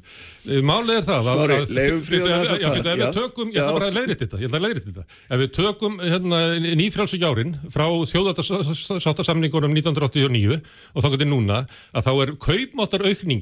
þetta, ég ætla að leiðrita þetta. Ef við tökum nýfrjálsu járin frá þjóðarsáttasamningunum 1989 og aukningin og aukning á mann, landsframleiðslu á mann, minni heldur en 30 árið þar undan. tíminn sem að þú vísa til sem einhver draumatíma fyrir 1980 þá var þessi útastöð ekki til við vorum ekki með frjálst útvarp við vorum ekki með hérna, frjáls uh, bara viðskipti við vorum hérna þetta, þetta var samfélag sem að ég, ég kalla Sovjet-Ísland því að það var hérna við vorum uh, það voru 500 brauði til í bakarjánum vegna þess að það voru hérna vegna þess að þau verð á brauði var stýrt af ríkinu það er samfélagi sem að þú ert að tala um sem einhver, hérna, sem einhver skonar hérna, draumasamfélag. Og það sem ég er að segja er að lífið á Íslandi undanfæri 30-40 ár hefur bara aldrei verið betra en í sögunni en það er.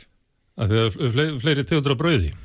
meðal annars, Já, því að brauð skiptir máli. Já, en, Já, því valið skiptir máli. Það skiptir máli að geta farið út í búð og valið eitthvað meira heldur en bara eina ríki sósialisma hérna sápuna sko, sápuversmið ríkisins Sósialismi sem þú ert að vísa til, ef þú kallar þetta sósialisma, þessi ríkiskapitalismi, var stýrt af sjálfstæðflokkum. Sjálfstæðflokkur var við völd frá því eftir stríð og sko er ennþá við völd. Þannig að þetta kerfi sem þú ert að lýsa til var, vend, já, var vendarstefna sjálfstæðisflokksins utanum sína klíku, alveg á sama hátt og hún er vendarstefna í dag utanum þá klíku sem að stjórna sjálfstæðisflokknu núna. Þannig það að ég hafi ekki fengið að kaupa nema fimm brauð var afrækstur ykkar í sjálfstæðisflokknum. Það að, að, hérna, að, að það var fábreytilegt á Íslandi, það sem að hérna, aðeins aðeins þeirnin er efnuðu að því að Ísland var reikið svo verstuð eins og er þróunin að verði af, áfra núna. Og enginn verstuð er þannig að fólki sem býrðar og býr til verðmættin lifir við sult og seiru og fábreytileika. En þeir sem að ná arðinum út úr verstuðinni þeir eigðaði í útlöndum. Þannig var Ísland sem er jólst upp í Já. og það var búið til af ykkur. Og ef þú ert að lýsa við ykkur Sovjet Ísland Sovjet Ísland. Sovjet Ísland ég er höfundaverk sjálfstæðarflokksins ég er jafn gaggrinninn á, á hérna, félaga mína í sjálfstæðarflokknum sem að horfa aftur til þessa tíma sem einhver ströyma tíma þegar Ólafur Tós var, hérna, var við völdið að Bjarni Benediktsson eldri. Það var ekki hérna, gott og opið frálst samfélag og sjálfstæðarflokkurinn þá var ekki sérstaklega frjálslindur flokkur. Hérna, og, og þannig er það bara Hann en hann er það núna? Nei, hann er það ekki lengur. Hú, jú, jú. Nei, hann er á móti breytingur nafndalögum hann er á bróti fjósverðingalögum hann er á móti, hann er eins og republikanaflokkurinn hann er á móti öllum sko einstaklisfrist Heldur þú fríðan sérst að, svona, þú veist, þegar að, þegar að ef að segja þegar að hérna, þokunni léttir og menn fara að hafa þokkalið skigni aftur þá falli þetta svona bara nokkurn veginn í, í, í sama far aftur og, og hérna, samfélag verði bara með svipuðum hætti Ég menn, guðminn góður, ég ætla að vona það allavega. Já, ég er ekki að tala um að, en, þú veist, ég er ekki... Að við förum þangað en við verðum ekki, við, og, og í raun og veru ættum við sko að, hérna, að, að, sko, að minka áhrif ríkisins þegar fram í sækir, því að við erum með fullt af hérna, ríkisfyrirtækjum sem, sko, sem er mér finnst, og ég held mér eitthvað að sko að Gunnar Smári væri samvala með því. Það eru fullt af ríkisfyrirtækjum mm -hmm. sem að láta eins og þessu enga fyrirtæki og hérna, hegða sér eins og þessu hérna, enga fyrirtæki við þurfum að uppræta það, við þurfum að hætta því. En hvað með svona fyrirbyrði eins og, eins og hérna, loftlasmál og þessar darfing sem margir telja núna að sé tækifæri til þess að draga framlýslu og að sé hérna, dauðafæri til þess að, hérna, að svona, draga úr loftmengun og, og, þarna, og þessi, þessi tímar hafi sínt okkur það svo glögt Ég, meni, ég held að emmitt að, hérna, að, að hefð uh, frjálsa markaðskerfi mm. muni leysa það. Uh, hérna, við getum hérna sko í, í orkumálum erum við að sjá það að, hérna, að, að hérna, það er sífælt meiri orka framleitt af vindi og hérna, og, hérna með sól uh, markaðurinn og við almenningur erum að krefjast þess að, hérna, að við séum ekki mengandi og ég held að, hérna, að þegar að hérna, við höldum áfram, við byrjum aftur að vinna mm. að þá förum við einmitt í það að leita fleiri lausna í það að koma með hérna uh, góðar vindmilur, koma með hérna uh, lausnir sem eru grænar því að þetta mun ekki leysast. Þessi vandi mun ekki leysast með því að við segjum bara nei, nú ætlum við að hætta öll því að við, það verður áfram krafan um það að við viljum, við Íslendingar viljum ferðast, við viljum komast til útlanda, við vil, ætlum að fara í við förum í flug. Hérna, við, við viljum hérna uh, gera hlutina sem við mm. gerum. Þannig að hérna að, að Sko, ég, bara, ég get ekki séð það fyrir mér mm -hmm. að ríkistjórnir heimsins, að ríkistjórnir hérna jarðarinnar kom ekkert neginn saman og segi nei, nú ætlum við að draga úr framleiðslu. Við hlustum bara á, á sko, hérna, uh, fólk, ráðamenn í Indlandi og ráðamenn í Kína og, og, og, og þeim löndum sem segir bara, heyrðu, við skulum draga úr hérna, framleiðslu og minga þegar við erum búin að ná einhver lífskjörum. Mm -hmm. Því að þau vilja komast á sama stað og við erum í lífskjörum. Og þessi viðmið hafa ekkert breyst. Þessi viðmið hafa ekki breyst með neinum hætti. Þannig að við erum að stefni óbreytt. Ég, bara, ég horfið ekki á samfélag frá sama sjónarhóli og fyrirjón. Ég segi að hérna, vonandi verður áfram þannig að, að bæjasturinn í Kópaví hafi þrjár miljónar mánuð og menna konar sem að þrýfur skriftunars hafi bara 300. Ég er ekki að vonast til þess að það verði til bara sér fyrst, að það verði til sér fyrst möguleiki hinn að fáu til þess að kúa hinn að mörgu. Mm. Ég vona að það breytist bara sem allra fyrst. Mm. Ég held að það sé ekki hitt góða samfélag. Það hitt góða samfélag er, er samfélag jöfnuðar þar sem allir hafi raunverulega uh, ekki bara tækifæri til þess að lifa góðu lífi, heldur geti lifa góðu lífi. Og við, þú, talir nefnir hérna vandamál sem að fólk var uppdegið af áður en að koronakreppan kemur mm -hmm. loslasvalna, en það var annað sem fólk hafi vanda, áhyggjur af og, og áttaði sig á að það var að slíta söndur samfélaginu vesturlundu sem var ójöfnudur og það voru ekki bara sósélista sem voru að benda ójöfnuðin, þetta var umræði sem var komin inn í, inn í til auðkýmingana í Davos sem voru að tellja um að við verðum að snúa við ætlum ekki að nota tækjafæri núna mm -hmm. til þess að berjast að ójöfnuð ef að, ef að, ef að friðjón á að fá ráða og varpa uh, umhverjusváni bara þannig að markaður minni leysi þetta eins og markaður sé að leysa eitthvað því að sem markaður sem að rínur á okkur á tíu ára fresti og að við ætlum að leysa ójöfnuðin líka og kasta honum út á markaðin að þá, hérna, það er eiginlega ekki í bóði vegna þess að, að það samfélag, það fær ekki staðist Herru, yeah. Pilsa mínir, þetta er frábær umræðan, við verðum að halda áfram með hana því að hún er líka hérna svo skemmtileg og við höldum áfram að setja. Ég þarf að ringja til Lundun og ég verð að þakka ykkur fyrir Grönsmár Eilsson og Fríðan Fríðarsson. Takk. Uppspretta frétta á Sprengisandi á Bilgunni. Fréttir þjóðmál og pólitík. Sprengisandur á Bilgunni. Sælilustendur, þá erum við hér á loka, loka sprettinum í dag, þeir eru farnir Fríðjón Fríðjónsson og Gunnar Smári Eilsson en Anna Hildur Hildibrandsdóttir er komin í síman frá Lundunum, sæl og blessuð. Já, kom sæl. E, Við ætlum aðeins að fara yfir hérna fara yfir stöðuna í í Brellandi svona á þessum hérna Já. síðust og vestu eins og ef svo má segja.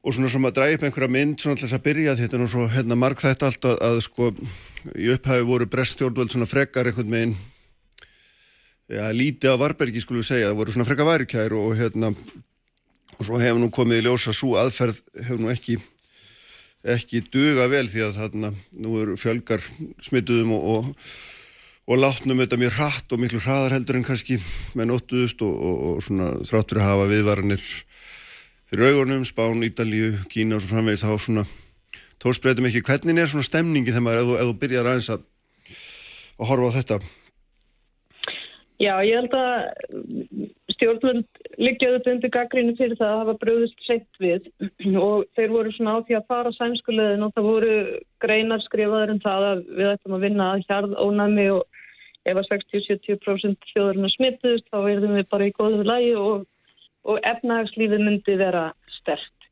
En það var mikill viðsnúningur í þessu svona upp úr miðjum mass þar sem að komi þessar ótrúlega sorglegu fréttir frá Suður-Európu mm. sem að síndi náttúrulega að þetta var bara á leiðinni hingað yfir Ermasundið og, og um, fórsættisáðan tilkynnti 19. mars að það væri komið samkomiðbann og lókun á öllu sem teltist ekki til grunnþarfa.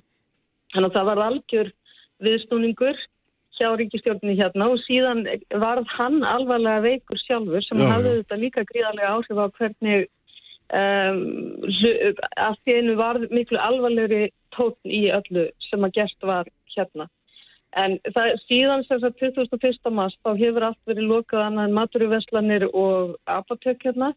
Uh, við erum ekki einn ströngu banni eins og í Suður-Evropu, við erum ekki útgöngubanni, við meðum farið göngutúra og, og það, en það mega bara tveir hittast og það er mjög uh, stramt hversu margir mega fara inn í vestlanir og svo framvegis. Mm -hmm.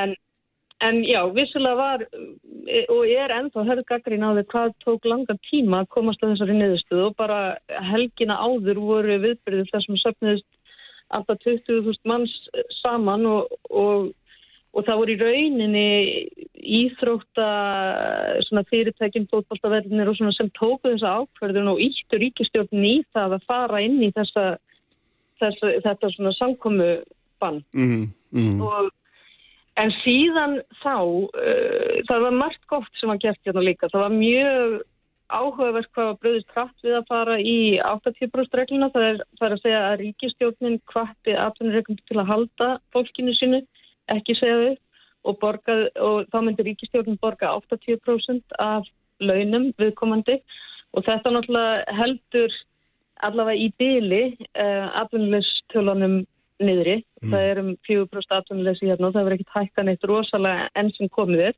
er spáð að það fari upp í 10-20% eins og annar staðar en, en þetta er svona eitthvað sem hefur gefið ríkistöfni ráðrum til að hugsa síðan að þessar aðgerðir fóru allar af stað sem eru að verða 6 vikur núna. Mm. En það sem hefur kannski helst vantað og skort á og verið sorglegra en, en svona bara tárun taki, það er skortur á hlýðafatnaði og það hefur hundrað manns sem að vinna á spítulunum dáið og NHS sem er helbriðiskerfið okkar hérna í Breitlandi hefur átt mjög erfitt af þessum sökum og mm. það hefur verið gríðarlega mikið gaggríni sem var tekinn eh, fyrir í panoramafætti núna á mánudaginn síðastlega, svona kveikur þeirra breyta og þar var eh, sjónunum beint af þessu. Já, að heilbriðskerfinum að sé náttúrulega líka að það er gríðarlega óanaði með, já, já, heldur sjótt að segja það hvað margir heilbriðstafsminn hafi mitt hérna, hafi mitt smitast og hérna, þurft frá að hverfa. Já, það er í rauninni að það að það skuli núna yfir hundrað laknar og hjógrunafræðingar og aðri sem starfa á spítilum dáið er þetta alveg ógvænlegar tölur af því að það stafa af því að hlýðafatnaður er ekki til og í þessum panoramafætti kemur fram að það var bent á þetta um mitt síðasta ára, það vantaði byrðir mm. og þetta auðvitað sínir hvað heilbreyðiskerfi hefur verið skert í langan tíma og hvað það, í rauninni þessi viðbræðstími sem hefur orðið til þess að skaffa þessi þarf til að takast á þessum stafar af því að það er, búið, það er búin að vera stórfældar skerðingar og það hefur verið svona það hefur, reynlega verið vanrækt og það hefur ekki verið farið eftir þeim ráðleggingum sem að sérfræðingar í helbriðiskerfinu hafa bent á. Mm, mm.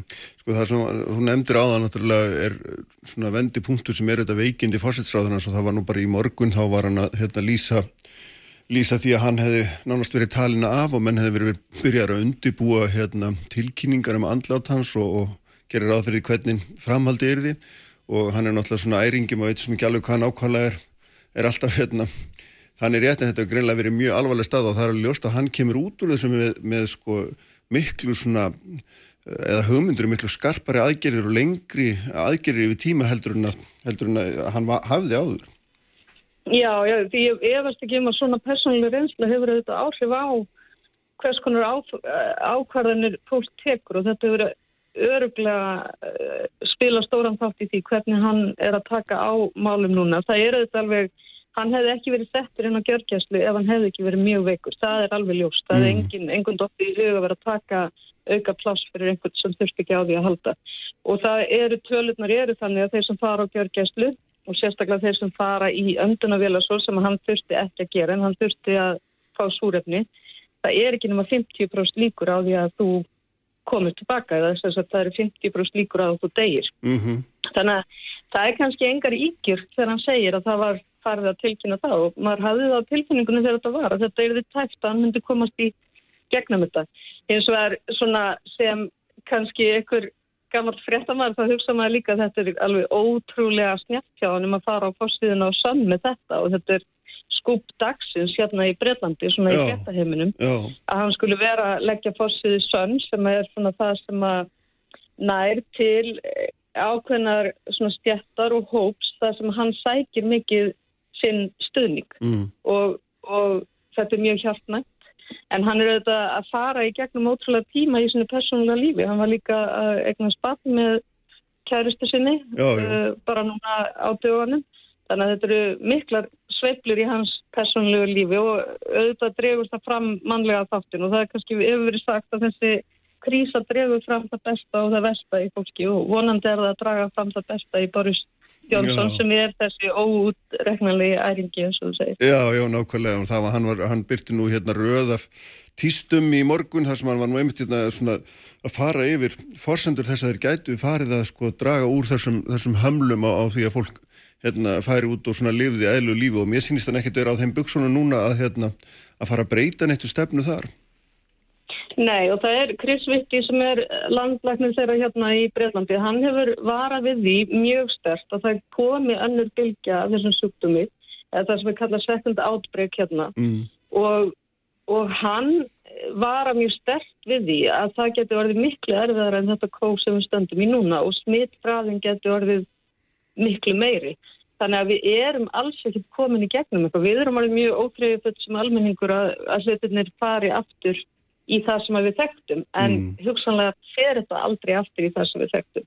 Mm. En Chris Vitti segir þess að þetta, hann ræðir R-númrið sem er mjög hérna, mikið rættum hér í Breitlandi núna og stendur fyrir reproductive það er smitt hraðan og markmiði núna er að halda stöðlunum fyrir neðan einn sem þýðir að hver sá sem smittast af COVID smitti færri en einn sjálfur. Já. Og þetta er stóra öðrunum þegar að samkomi bannum viðaðum heim verður létt. Hvernig gerum við þetta og hvernig náum við þessu jafnvægi í að efnahagslífið aðlægist eða standi í lappinnar og að við sagt, höldum helsunni líka. Já. Og þetta eru mjög áhugaverðar spurningur og hann bendur líka á Chris Vitti að það eru fimm atriði sem við vitum ekkert ennþá um vírusin. Það er svo mikið sem við vitum ekki. Þetta er svo stuttur tími til að draga saman þekkingu og svo bara vitum við ekkert um ímislegt sem getur komist upp í, upp í hefðun vírusin. Svo það er í fyrsta legi þá vitum við ekki hversu stór hluti er smitaður án enkjana, mm. allavega hér í Brellandi og í öðru legi þá vitum við ekki hversu lengi þeir sem smittast eru ónæmir fyrir sjúkdómnum. Og í þriðalagi þá vitum við hver fylgnin í blóðprófum og ónæmi er. Og í fjórðalagi þá vitum við ekki hversu mikið börn er að þátt í að dreifa vírustum og í fymdalagi þá er uh, ekki vitað af hverju þeir sem veikjast. Um, eða akkur karlmenn degja frekar en konur úr þessum veikindum. Mér finnst það áhugaverður punktar hjá hann sem hann er að draga fram og segir okkur mikið um hvað við erum í rauninni ennþá að viðfæmum tímum og Já. verðum út árið og jáfnvel út allt næsta ár. Og breyta að tala mjög mikið þannig að þetta verði hugsanlega út árið. Mm. Það hefur mikið verið talað um skóla snúi hugsanlega ekki tilbaka fyrir í september. Já. En uh, ráðherrar í veils ætla þó að taka aðra afstöður að skoða mjög alvarlega að þetta fari í skóla uh, 1. júni og það er þetta margt sem er, sem er bara svipað og, og á Íslandi heimilisofaldi, hungur hefur aukist hjá börnum sem er í fátakum fjölskyldum. Mm. Þetta eru mjög alvarlega hlutir og börn sem að fara í skóla er ekki hungruð að því þau fá, þeir sem eru úr efnaminni fjölskyldum fá ókipis máltið þar á hverjum degi. Svo mm. það, þetta eru svona þessar erfið mannlegu spurningar sem að breytar eru að fást við eins og kannski allir aðrir í heiminum. En Já, já. það er kannski svona, ég, maður finnur í dag að ég var að hlusta þess að Andrew Marsjó sem er sunnudags uh, umræðið þátturinn hérna á BBC að núna allar spurningar okkar hafa beinst til pólitíkusa og vísindamanna og við hefum bara verið að hlusta og verið einstóri eyru hvað segja þeir, hvað þurfum við að gera, hvernig þurfum við að bjarga okkur Mm en núna er kannski komin svo tími þar sem að almenningur fyrir að spyrja sjálf sig og þar sem þarf að spyrja almenning, hvað vill almenningur gera? Vill hann fara aftur til vinnu? Vill hann fara í strætó? Vill hann fara í lestir? Mm. Hvernig verðum við örug þegar að efnaðarslífi snýr tilbaka? Og við, það var til dæmis verið að benda á það að í lest sem getur flutt 1200 manns sem að væri kannski á venjulegum degi að þá getur við, getur svo lest einungis tekið 200 manns ef að við ætlum að halda tvekkjametrarreglunni út Já. árið og það er bara 15% af því sem að áður var og síðan er það líka á- mjög merkileg um, kannun sem var tekin í Observer er að meiri hluti breyta vill ekkert snúa aftur tilbaka Nei, og. Þannig að fólkið er farið að tjá sig um að því, það vill ekki að veitingastæðir og, og skólar og íþróttaleikvangir opni uh, strax aftur. Það sé einfallega ekki tryggt og við vitum ekki nógu mikið. Já, að Þetta er svona þjóðar, Já. þjóðarsálin að láta í sér heyra í Já, fyrsta skipti kannski. Já, þannig að hérna, þannig að svona fólk vil hafa fast land undir fótum áður en að áður en það fer aftur tilbaka í svona, hvað maður kalla hefbundi líf. Já, ef fólk hefur ekki nógu mikið í handánum og vísindamenn og pólitíkur sem getur ekki svara nógu miklu til þess að segja að það sé traust að fara tilbaka. En auðvitað er þetta mjög erfið jafnvægis list að finna út því hvernig efnahagslífið á að takast Já, á við þetta og hversu lengi er hægt að borga, hversu, lengi, hversu djúpri eru vasar ríkisjóðs til að standa þetta af sér.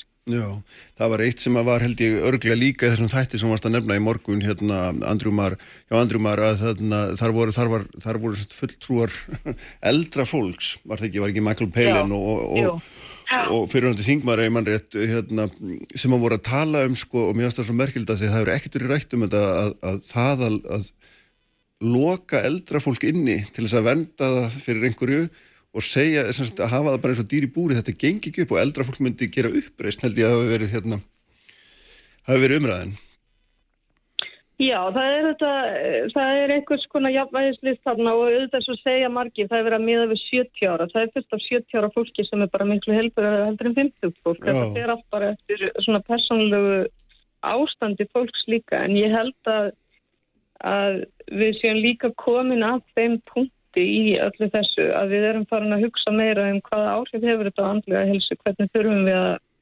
líka að huga að því hvernig fólk kemst í gegnum þetta. Við getum mm. ekki öll bara setið heima hjá okkur og fólk hefur náttúrulega misjám að það er ekki allir sem geta unnið heiman frá sér eða, eða hafa eh, þannig örfun að þeir geti verið að, að búa eitthvað til eða gera eitthvað sem að, sem að tengist þeirra fyrir rútinu í störfum. Mm, mm.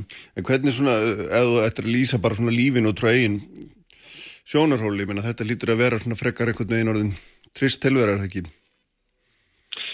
Sko, ég, þetta verður ekki, að ég er svo hættin að geta unni mikið á tölvu og átt mikið samskipti og hér sitt ég bara heima hjá mér og er með sumfundi og, og, og um, þróa hugmyndir og, og gera ímislegt sem kveikmyndaframlegandi mm. og undirbý verkefni og það tekur oft langan tíma að undirbúa verkefni í kvikmyndaheiminum, þannig ég get ekki alveg kvartað. Og við búum líka hérna á mjög góðum stað þar sem við erum nálagt teimsáni og erum nálagt uh, stórum almenningskörðum sem eru mjög fallir þannig og við meigum sem fara út, við erum ekki í svona ströngu útgöngubanni eins og hefur verið í Söður-Európu og það hef, held ég, ef maður væri í útgöngubanni þá held ég að maður væri orðin ansi illa haldinn, en það er, stemmingin er líka svo að fólk er að svona berja kjarki í hvort annað. Mm. Það er mjög fallega stundir hérna klukkan 8 á hverjum 15. spöldi þar sem fólk fyrir út með potta og pannur eða bara klappar fyrir NHS fólkinu eða fyrir helbriðstarfsfólkinu og þetta eru hetjur dagsins í dag. Það var svona smám saman verið að opna kaffihús sem að afgreða einn í einu og maður þarf að vera tvo metra í burstu og þeirra afgreða bara svona take-away kaffi mm -hmm. og við hjónin urðum hérna vittna tíðan um daginn þegar að það komu tveir sjúkrabílstjórar og konan fyrir framann og sagði að hún vildi bjóða henn kaffi og þess að neini það er alveg óþarfi. Og hún, hún algjörlega krafðist þess að fá að bjóða henn kaffi. Þannig að þetta eru svona hetjur dagsins í dag og það er, það er mjög, uh, gefur manni svona líkt í hjartað að sjá hvað þessar stjættir eru að fá í, að mörguleiti svona uppreist æru og aftikli sem að það er eiga svo sannlega skilið. Mm. en svo náttúrulega er hlutir eins og maður getur ekki hugsað sér að fara í strætó eða lestir og það hafa margir eh, dáið í þeim stjættum líka. Já. og maður er svona, maður finnur að maður er takmarkaður og afmarkaður. Og við fengum lánaðan bílum daginn og það var mikil frelsis tilfinning að vera að koma með bíl hérna inn í miðborgina Já. og geta aðeins farða að rúta en, maður, maður verður bara svona hérna þakkláttur fyrir mjög lítið sko. Já, já þetta er undalegi tímar, það er ekki eftir að segja hann Já, en það er engin skortur og það sem er kannski spennandi við þetta er að maður sér einhverja von og einhverja von um það að hlutir munu breytast sem að þurftu hvað sem er að breytast mm. og, og núna geti orðið nýsköpun sem að beinir augum að því hvernig við getum byggt betra samfélag mm. á meðan að við vorum kannski í svona daldið óstöðvandi hérna, alþjóða væðingu sem að snýrist öllum að auka framleiðsluna en, nú, en við vissum ekki alveg út af hverju við vorum að gera það. Það var bara einhver svona gróða von og gróða sjónamið sem að það var bara innbyggt í kerfi það var ferðinu allan tíman. Og, og núna höfum við orðið að stoppa það orðið að skoða hvernig getum við verið sjálfbærari. Og þessi skortur á til dæmis líðafatnaði hefur orðið til þess að menn hafa farið að skoða hvað getum við gert í framleyslu um, hér í okkar eigin landi til þess að koma í veg fyrir svona sko. mm, En það er náttúrulega eitt sem fyrst og nefnir það er það náttúrulega hérna, sko, eina helstu fréttum og hérna, svona neykslisfréttum var auðvitað það að það var yfirmaður á, á sjúgrási var það ekki sem að hérna, var búin að koma sér upp eigin business sem hann var að selja hlýðafatna, það er alveg stórmerkilegt Jú, jú, og þetta kannski í- eða stiður við þessa þetta sem hefur verið sagt að það, svona krísur íta undir það versta og besta í fólki og við erum með þetta bara með þessa mannlugu bresti og, og þarna þetta var náttúrulega algjörlega hörmuleg saga þegar að sérstaklega þegar maður sér að kollegar þessa sama manns eru að láta lífið út á skorti á hlýðarfatnaði Ljómandi. En, en svo, Hmm. Svo fengum við líka kapten Tom söguna, 100, Já, já. sem var 100 ára og lappaði með mi mikið skattaða mjöðum þegar hann var í endurhefingu og safnaði 30 miljónum punta fyrir NHS og það hlýjaði mann líka um hjartarættur. Nákvæmlega, það er frábær saga á móti. Heyrið, takk fyrir þetta Anna Eldur, þetta var feikilega fróðilegt að hafa þetta hérna yfirleitt frá þér. Takk, takk. Og við verðum að láta þættinu lokið í dagsprengisandi. Ívar Jón Haldarsson stýrði þetta útsending og venju allt efni um að finna á bilgjum.is og vísi.is og sjálfur verði við, við ekkur hér aftur eftir viku. Verðið sæl.